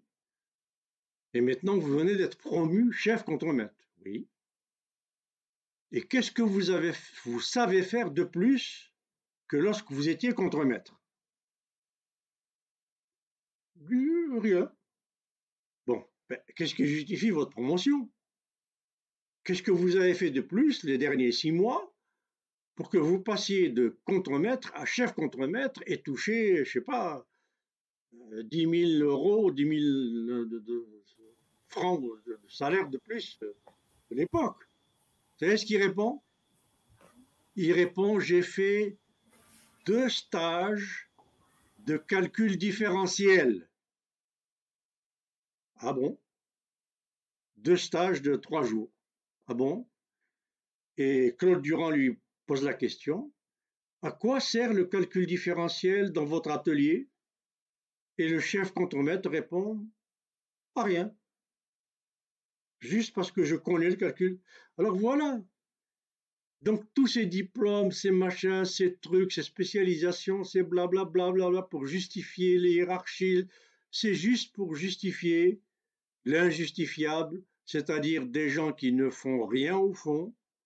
Et même Stephen Marglin va plus loin, Veblen aussi, Claude Durand et surtout l'établi euh, Robert Linhart. Non seulement ils font rien, mais enfin ils font semblant, ils font des analyses, des tableaux, des trucs il y a un employé d'Algérie quand je faisais mon, terrain en Algérie qui me l'a dit. Je ne vais pas citer l'entreprise. Ce n'est pas la brasserie, hein, parce que j'ai fait aussi d'autres. Et euh, que vous devez, c'est une des entreprises les plus prestigieuses d'Algérie. Et donc, j'avais posé la question, je ne l'avais pas vu depuis au Canada, je l'avais pas vu depuis, je sais pas moi, pratiquement une dizaine d'années, 8, 10 ans. Je le retrouve en Algérie, on discute, tout ça, et puis bon, alors je lui demande, euh, alors, euh, qu'est-ce que tu deviens depuis 10 ans, euh, ton travail, qu'est-ce que tu fais, tout ça. Lui, il était licencié en Sciences Po, si j'ai bonne mémoire, et avec un diplôme de graphiste, enfin quelque chose du genre, vous pouvez me rappeler exactement. Bon. En tout cas, je faisais des calculs et des projections. Ah, il m'a dit, ben, j'ai été promu, euh, c'est bien, oui. Et ton travail, est-ce qu'il a changé? Il m'a dit au contraire. Non seulement il n'a pas changé, il s'est pas amélioré. Il m'a dit textuellement, avant, j'étais quelqu'un qui faisait quand même des analyses, qui proposait des rapports et des recommandations. Maintenant, je ne suis plus qu'un tireur de traits. Il a dit ça comme ça. Je ne suis plus qu'un tireur de traits, je tire des traits pour faire des tableaux, pour satisfaire le temps que doivent occuper mes supérieurs jusqu'au directeur général du ministère. Il m'a dit, regarde, papier sur mon bureau. Tout ça, c'est des commandes de rapports et de tableaux. En haut, ça vient du ministère, et en bas, ça vient de mon supérieur immédiat. Il m'a dit, voilà ce que je fais. Je passe mon temps à faire des traits, à mettre des chiffres et à les envoyer à ces gens pour qu'ils occupent leur temps. Alors, lui, Stephen Marglin, What do bosses do? Lis de l'article. La réponse, nothing. Non seulement ils font rien, enfin rien de productif, soyons clairs. Ils font des analyses, des tas de choses qui ont l'air sophistiquées, des mathématiques, des graphiques, je ne parle pas d'ingénieur de conception, de choses comme ça, on en a besoin, bien entendu, mais ça c'est notre affaire. Je parle de hiérarchie. Eh bien, donc il dit, euh, ça, sert, ça peut servir, mais 80-90% de tout ça ne sert strictement à rien. C'est juste du remplissage de paperasse. Non seulement ça sert strictement à rien, et je l'ai vérifié moi-même aussi en observation participante, dans mes recherches en entreprise, ça empêche l'employé de bien faire son travail. Et je l'ai remarqué aussi dans ma carrière de consultant. Ça, très peu, de gens savent et très peu, de gens vont le dire. J'ai été consultant pour le ministère de la Défense français pendant dix ans. Pour JAT Industrie, tout le système d'armement et de, de transformation d'armement en production civile de France, ça m'a été confié par le ministre Chevènement à l'époque.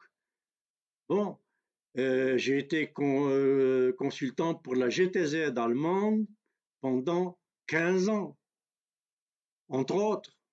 Je ne parle pas de l'Amérique latine, du Brésil, tout ça, etc. Et je vous assure que j'en ai vu. J'en ai vu des belles et des, bonnes, et, j'en passe, et des meilleures. Bon, alors j'ai vu des ouvriers en France me dire, monsieur, alors bon, mais comme consultant, un ouvrier ne va vous parler, c'est ce qu'on apprend, ce apprend en anthropologie. Là, je fais des, parenthèses, mais, je vous apprends des choses en même temps, j'espère. En anthropologie, etc., on apprend que l'indigène, l'ouvrier que vous allez interviewer comme consultant, comme professeur, comme chercheur, tout ce que vous voudrez, c'est votre indigène. C'est celui qui connaît le terrain que vous ne connaissez pas.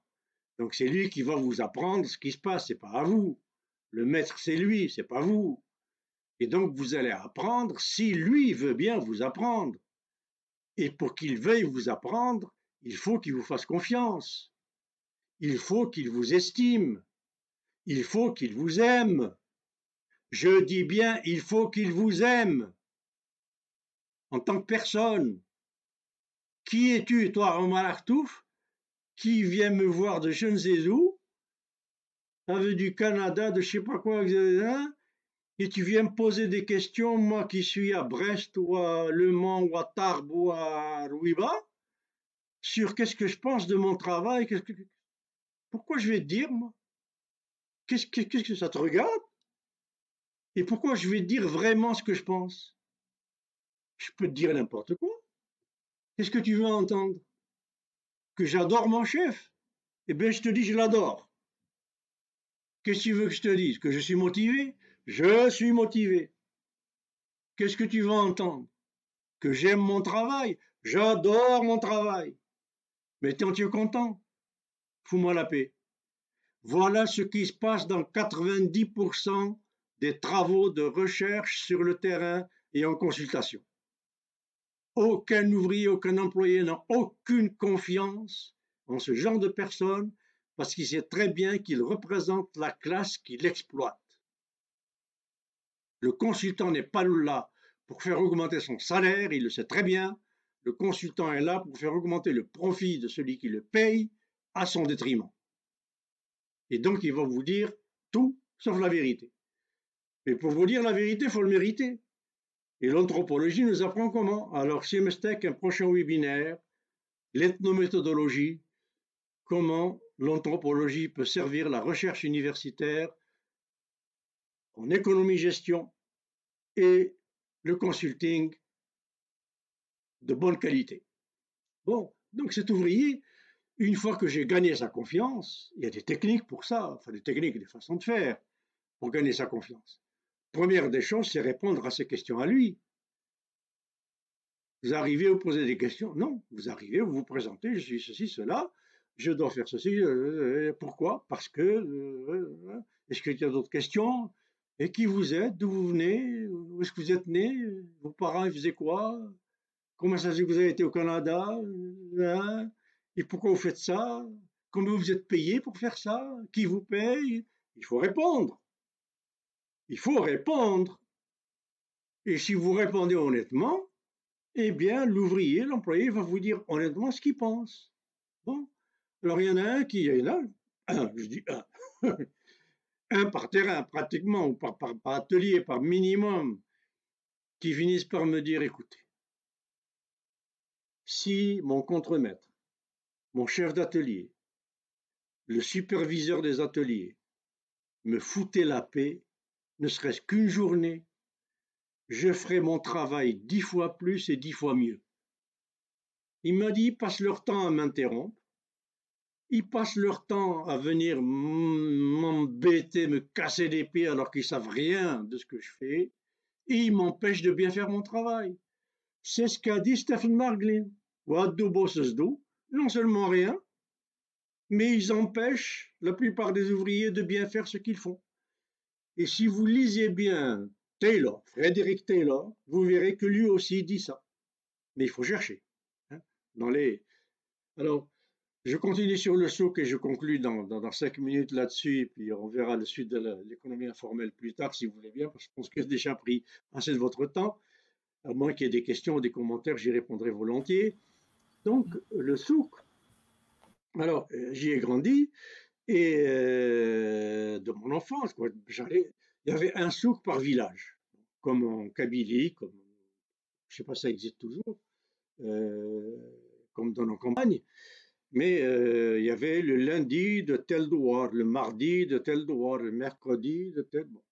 Alors nous, notre douar, c'était le mardi, Tlet Sidi Bougdra.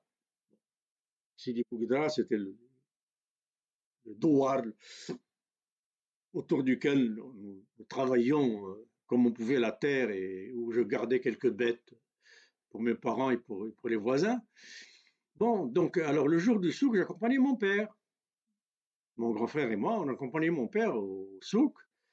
Et alors, ces souvenirs, ces réminiscences du souk et de son fonctionnement, donc de l'archétype de l'économie informelle, ça m'est revenu une fois que j'ai fait des études d'économie, une fois que j'ai fait des études d'économie euh, supérieure pour faire du rattrapage pour mon PhD, pour mon doctorat, où euh, j'avais pris un majeur en, économie.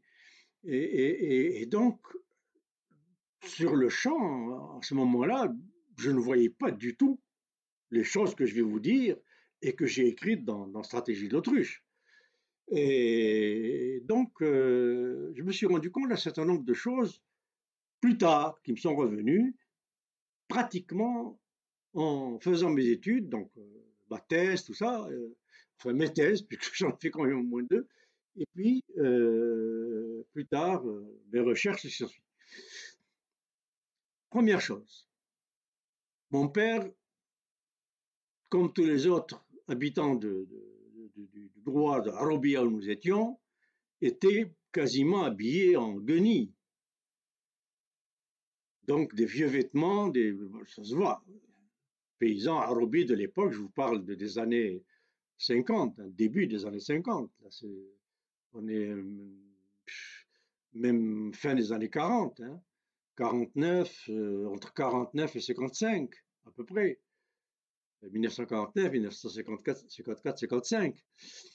mais mon père a été expulsé euh, déjà, il a été obligé d'être exilé à cause de ses activités avec le PPA et après les événements de, de 45. Bon, donc, et moi aussi, on était pieds nus. Alors, soit pieds nus, soit vêtus de ce qu'on appelle boumontel là-bas, ce qu'on appelait, c'est-à-dire des espèces de chaussures, de sandales faites avec des pneus, caoutchouc des vieux pneus et avec des élastiques de, des chambres à air. On en faisait comme des, espèces de, chaussures avec lesquelles on, marchait comme on pouvait, mais la plupart du temps pieds nus. Alors, ce que j'ai remarqué, c'est que les gens, pour aller au souk, se mettaient sur le 31. Donc, mon père s'habillait du mieux qu'il pouvait, mais on voyait bien que c'était un pauvre. Moi aussi, mon frère aussi. On nous habillait, on nous faisait un peu de toilette, on faisait bon. Mais on voyait bien qu'on était des pauvres. Et je voyais que les riches qui arrivaient au souk arrivaient avec grand, grand apparat. Eux aussi, ils se sont dimanchés. Ils avaient leurs meilleurs habits, leurs meilleurs burnous, leur meilleur cheval, avec les meilleurs harnachements, leur etc., leur suite.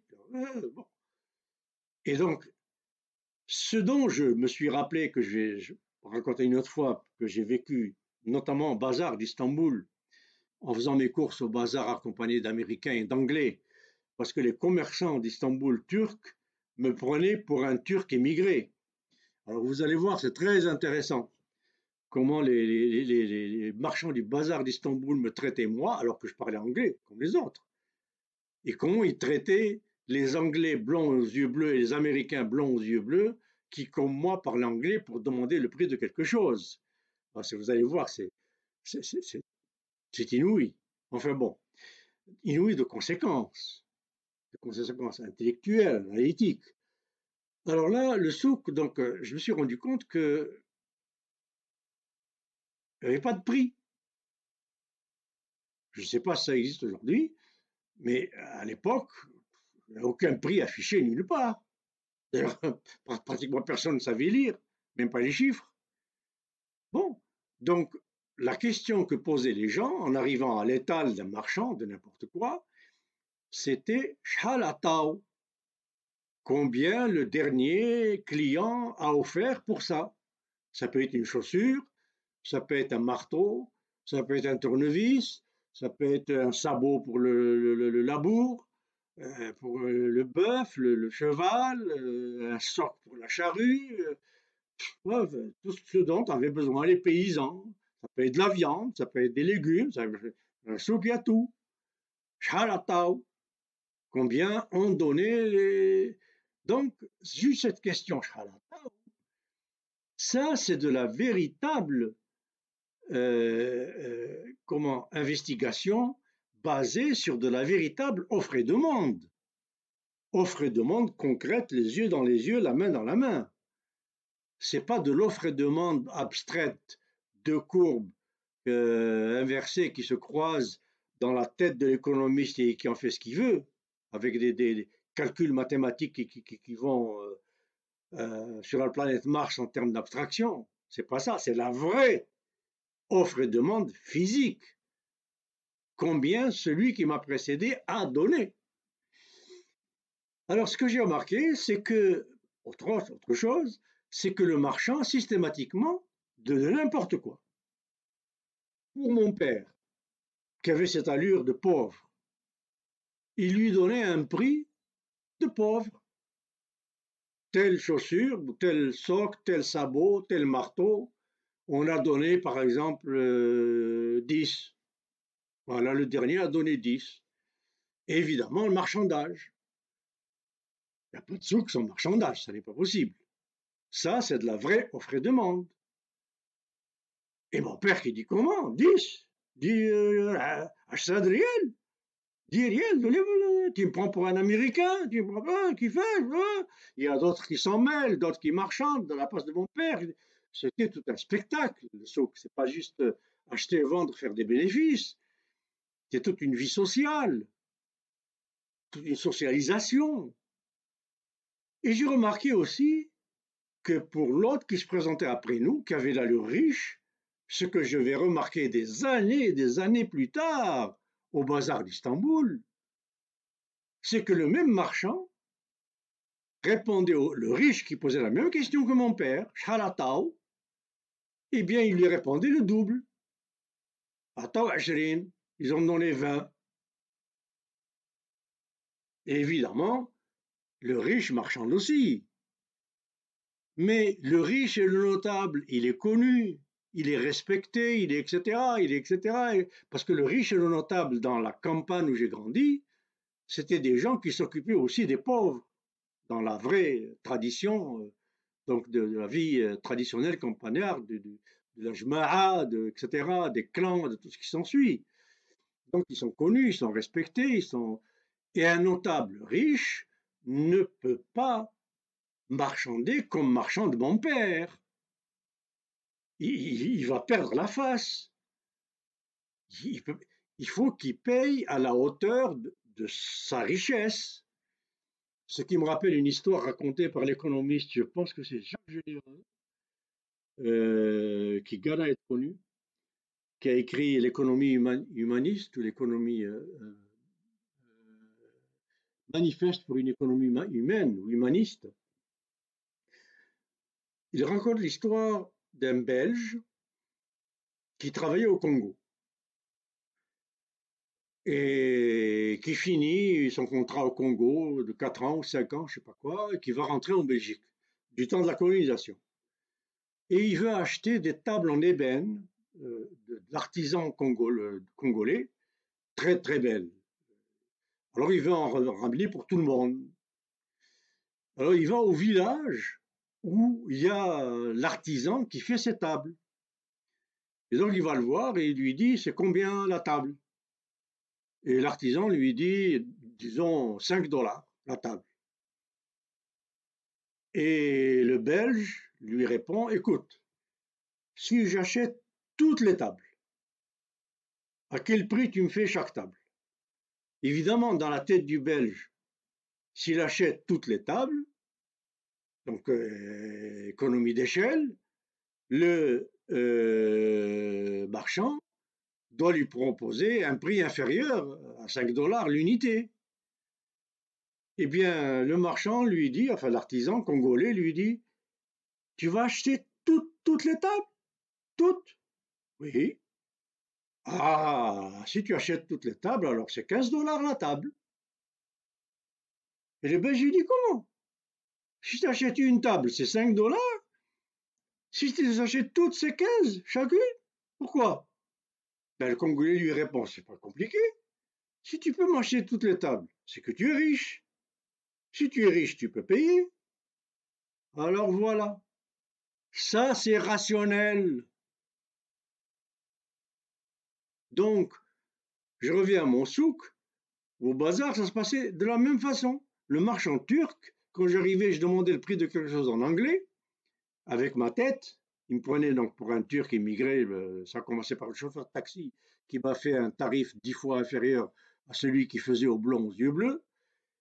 Eh bien, il me disait, euh, je sais pas, 10, 15, 20, arrive l'anglais ou le euh, français ou l'américain aux yeux bleus, il pose la même question, moi je suis à côté, hein, j'entends combien le même article et le marchand turc lui dit 200. Alors un jour, je suis intervenu, moi je vous la raconte tant que j'ai intervenu et comme c'était un copain, un ami, euh, un professeur américain qui était avec moi, alors j'ai dit au marchand turc, j'ai dit comment euh, En anglais? Moi, tu viens de dire que c'est 20 et lui 200. Mais l'anglais n'avait pas entendu parce qu'il était un peu plus loin. Eh bien, le marchand turc m'a engueulé en turc Évidemment, je ne comprenais pas.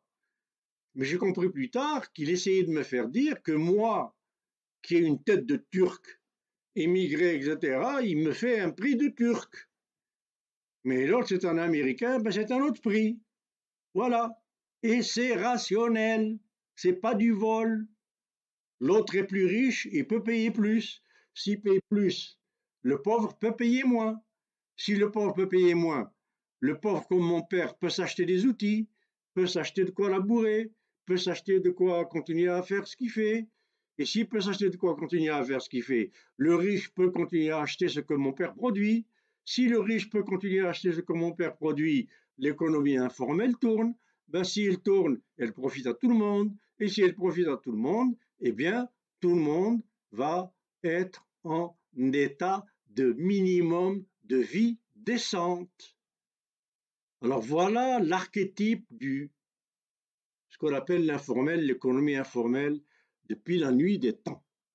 C'est ça, c'est la main dans la main, les yeux dans les yeux, le marché concret, la demande et offre concrète et l'ajustement des prix sur le pouvoir d'achat accordé aux clients et l'ajustement du pouvoir d'achat du client en fonction de ce qu'il peut faire et de ce qu'il peut gagner avec ce qu'il fait.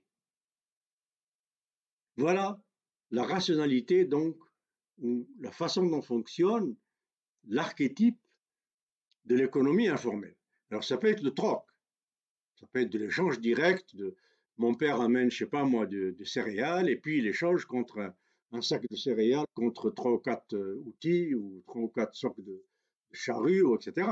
Mais ça revient au même. Même pour le troc, le marchand va demander deux sacs aux riches quand il n'en demande qu'un à mon père, etc. Alors ça, c'est cet informel-là, c'est un informel qui maintient des équilibres d'une rationalité inouïe. C'est une, une, façon de, de conserver des équilibres homéostatiques généraux entre des choses sur lesquelles aucune science économique, la plus sophistiquée soit-elle, ne peut rien.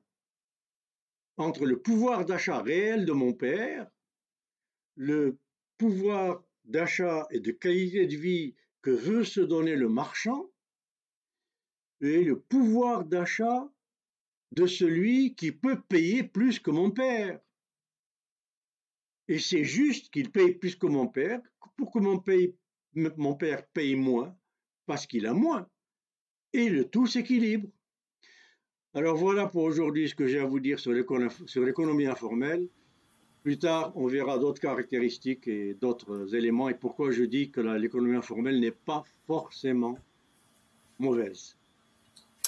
Euh, il y a juste, euh, je ne sais pas si on prend une question. Bien sûr, bien sûr. Euh, par rapport bien à. Sûr. Ok, donc je vais prendre une seule question parce que je pense qu'on a, on a répondu à, toutes les questions posées. Donc celle-là, c'est Sherif Lacaf qui, qui, pose la question sur l'ONSEJ. Donc c'est un organisme d'État qui donne, qui aide les jeunes. Oui. Donc, ils ont, ils ont, je crois qu'ils ont changé le nom récemment sur l'entrepreneuriat, je pense un truc comme ça. Donc l'ONSEJ donne de l'argent à des jeunes pour acheter du matériel, mais faute de marché, euh, ils coulent sous les dettes. Y a-t-il un moyen de leur euh, assurer des marchés d'office? Oh là là, ça c'est une question, une question importantissime qui demanderait beaucoup de développement. Mais bon, je vais essayer de répondre euh, rapidement. Hmm. Sinon, sinon on, peut, on peut le laisser euh, pour la prochaine fois euh, au début du webinaire si, euh, si vous avez envie de un petit peu d'étaler. Non, je, non, je, vais faire les deux. Je ne veux pas, je pas, pas frustrer ce. ok, pas de problème. C'est shérif. je vais faire les deux. Je vais donner une brève maintenant et puis une plus longue la prochaine fois. Rappelle-le-moi s'il te plaît, c'est la mine. Pas de problème. Euh, alors, ça me rappelle ça, le problème de, des microcrédits. C'est le même mécanisme. L'ANSEJ, enfin, je ne sais pas quels sont les montants minimaux, maximaux qui ont été donnés à, ces jeunes pour, pour essayer de, de, faire leur propre gagne-pain. Mais j'ai travaillé sur ce qu'on appelle le microcrédit Et ça, j'y reviendrai aussi dans le webinaire sur la finance la, et l'économie de l'information et de la connaissance remis à Madame Maya Abdelhafid et de la faculté de finance de, Constantine. Eh bien, euh, par exemple, au Bénin et au Maroc et au Brésil. Donc j'ai travaillé sur l'économie informelle et sur euh, des formes de microcrédit, parce qu'il y a plusieurs formes. Euh, donc pour aller à l'essentiel, voilà l'exemple que je vais donner, c'est celui du Maroc. Plus tard, je reviendrai sur le Brésil, sur tout ça, ça vaut la peine. Le Bénin, tout ça, parce que d'autres, variantes. Donc, euh, une institution marocaine, plusieurs caritatives, dont la fondation Mohamed XVI, euh, Mohamed Khams, je ne sais plus, euh, la fondation Asmed, euh, etc. Bon, plusieurs fondations, plusieurs euh, organisations à caractère euh, caritatif comme ça, national ou international du Maroc. Donc j'avais mandat, quand je travaillais pour la, l'agence de coopération internationale allemande, d'étudier donc les effets et les problèmes de ces microcrédits qui ne décollaient pas. Ça ne décollait pas, nulle part. Alors, comme d'habitude, moi, dans mon travail de consultation, je pratique l'ethnométhodologie. Je vais sur le terrain. Alors, j'ai euh, vu les différentes agences marocaines, dont celle dont je viens de parler, qui, étaient les principales, et euh, j'ai demandé où et à qui elles ont octroyé des microcrédits, de quel montant, de quel montant, et j'ai été, donc je me suis fait accompagner dans les doigts dans les villages, dans les campagnes, dans les, etc., les quartiers pauvres de Casablanca, de, Rabat, de Marrakech, etc., où euh, ces microcrédits ont été octroyés. Bon, alors la plupart du temps, pratiquement tout le temps, les microcrédits étaient accordés beaucoup plus aux femmes ou aux mères de famille euh, qu'aux hommes ou aux pères de famille. Parce qu'ils se sont rendus compte, paraît-il, quand ça allait entre les mains des, pères ou des hommes, euh, cet argent était dépensé beaucoup plus vite que quand ils allaient entre les mains des, mères de famille et des femmes qui étaient plus économes, plus, euh, en tout cas plus attentionnées, plus prudentes, plus etc. que les hommes. Enfin, donc passons sur ce détail. Alors, je vais voir ce que font ou essayent de faire ces gens-là, ce que personne n'a eu l'idée de faire au Maroc. Brésil non plus. Bénin encore moins. C'est-à-dire d'envoyer des anthropologues, des sociologues, je ne sais pas quoi, étudier qu'est-ce qu'une femme ou une famille pauvre de Chichaoun, qui est un petit village perdu où j'ai été, donc euh, une bourgade du nord du Maroc euh, face à l'Espagne, là-bas, euh, qu'est-ce qu'ils peuvent faire avec ce que leur procure le milieu dans lequel ils vivent? Et pour quel marché ça peut aller? Où sont les débouchés alors, pour terminer, je me suis rendu compte, par exemple, que dans ces villages du nord du Maroc, ce que ces gens pouvaient produire, c'était évidemment des produits d'artisanat, et particulièrement des formes de petites sacoches qu'utilisent les Marocains, ce qu'on appelle le, voilà, et euh, des espèces de, sandales plus ou moins en, roseau, etc., euh, etc. Et bon, donc des produits, extra, des belles des, des, babouches, des, je sais pas, des trucs que, que, ces gens-là savent faire. ils vont, ils vont pas faire ce qu'ils connaissent pas. Mais où sont les débouchés? Qui va acheter ces produits que n'utilisent que les pauvres? Les pauvres n'ont pas le pouvoir d'achat d'acheter ça. Donc, voilà juste un élément du problème. Où est le lien entre le microcrédit, le produit, le débouché? C'est quand même élémentaire, non? Eh bien, il n'y a pas. Alors, je suis retourné dire aux gens qui m'ont payé pour faire ça, mon rapport, c'était écoutez, avant d'aller donner des microcrédits, avant de donner de l'enseigne, demandez-vous où sont les marchés et les débouchés dans les régions et les endroits solvables pour ce que peuvent faire les gens à qui vous donnez ces microcrédits. Par exemple, tous ces produits artisanaux que fait ce village de Chichaouen dans le nord du Maroc, est-ce qu'on a fait une étude de marché auprès des touristes qui vont à Tanger, parce qu'il y a beaucoup de touristes la région, Tanger, Tétouan, Melilla, etc., Ceuta, tout ça, étude de marché pour voir quel genre de touristes ou quel genre de Marocain solvable a besoin de ce genre de produits que savent fabriquer ces gens de Chichaouen. Si personne n'en veut, s'il n'y a pas de marché, s'il n'y a pas de débouché, eh il faut commencer par former ces gens de Chichaouen à qui vous allez donner microcrédit, les former à fabriquer ce qui peut être acheté par les touristes qui passent par Tanger. Autre chose que juste des babouches et des shkara. Je ne sais pas moi, j'en ai aucune idée, mais quelque chose que les gens solvables, les marchés solvables peuvent absorber. Alors voilà un des problèmes avec l'enseigne. C'est bien de donner aux jeunes des, milliers ou des millions de je sais pas quoi de dinars pour allez-y euh, créer votre affaire, mais ils vont créer quoi? Où sont les débouchés solvables? Où est l'augmentation salariale, salariale, par exemple, du pouvoir d'achat de l'ouvrier moyen algérien du SMIC qui augmente régulièrement en indexation avec l'inflation, ou je sais pas, ou des indicateurs de ce genre?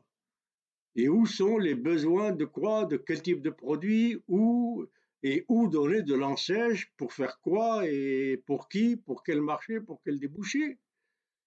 Bon, alors voilà un des problèmes. Alors je reviendrai sur les autres la prochaine fois, Inch'Allah, et merci beaucoup de votre attention.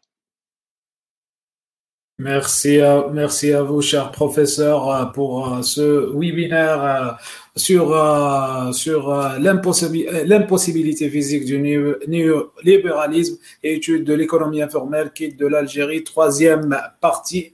merci d'avoir accepté aussi l'invitation, comme toujours, et d'être ici en direct sur notre émission Cash Politique. Salam alaikum, merci à vous. مشاهدينا الكرام وصلنا إلى نهاية الحصة. بإمكانكم التفاعل معنا عبر الاشتراك في قناة اليوتيوب والإنضمام إلى مجموعة كاش بوليتيك على الفيسبوك لكي يصلكم كل جديد. كما يمكنكم الآن الاستماع إلى البودكاست عن عبر تطبيق سبوتيفاي وأنكور. وذلك عندما تكونوا ربما تمارسوا الرياضة أو الطهي أو راكم حاصلين في السيركيلاسيون راكم في السياقة. شكرا على طيب متابعتكم. دمتم في في أمان الله وحفظه. والسلام عليكم ورحمة الله تعالى وبركاته. يا جيش كاش بوليتيك العظيم.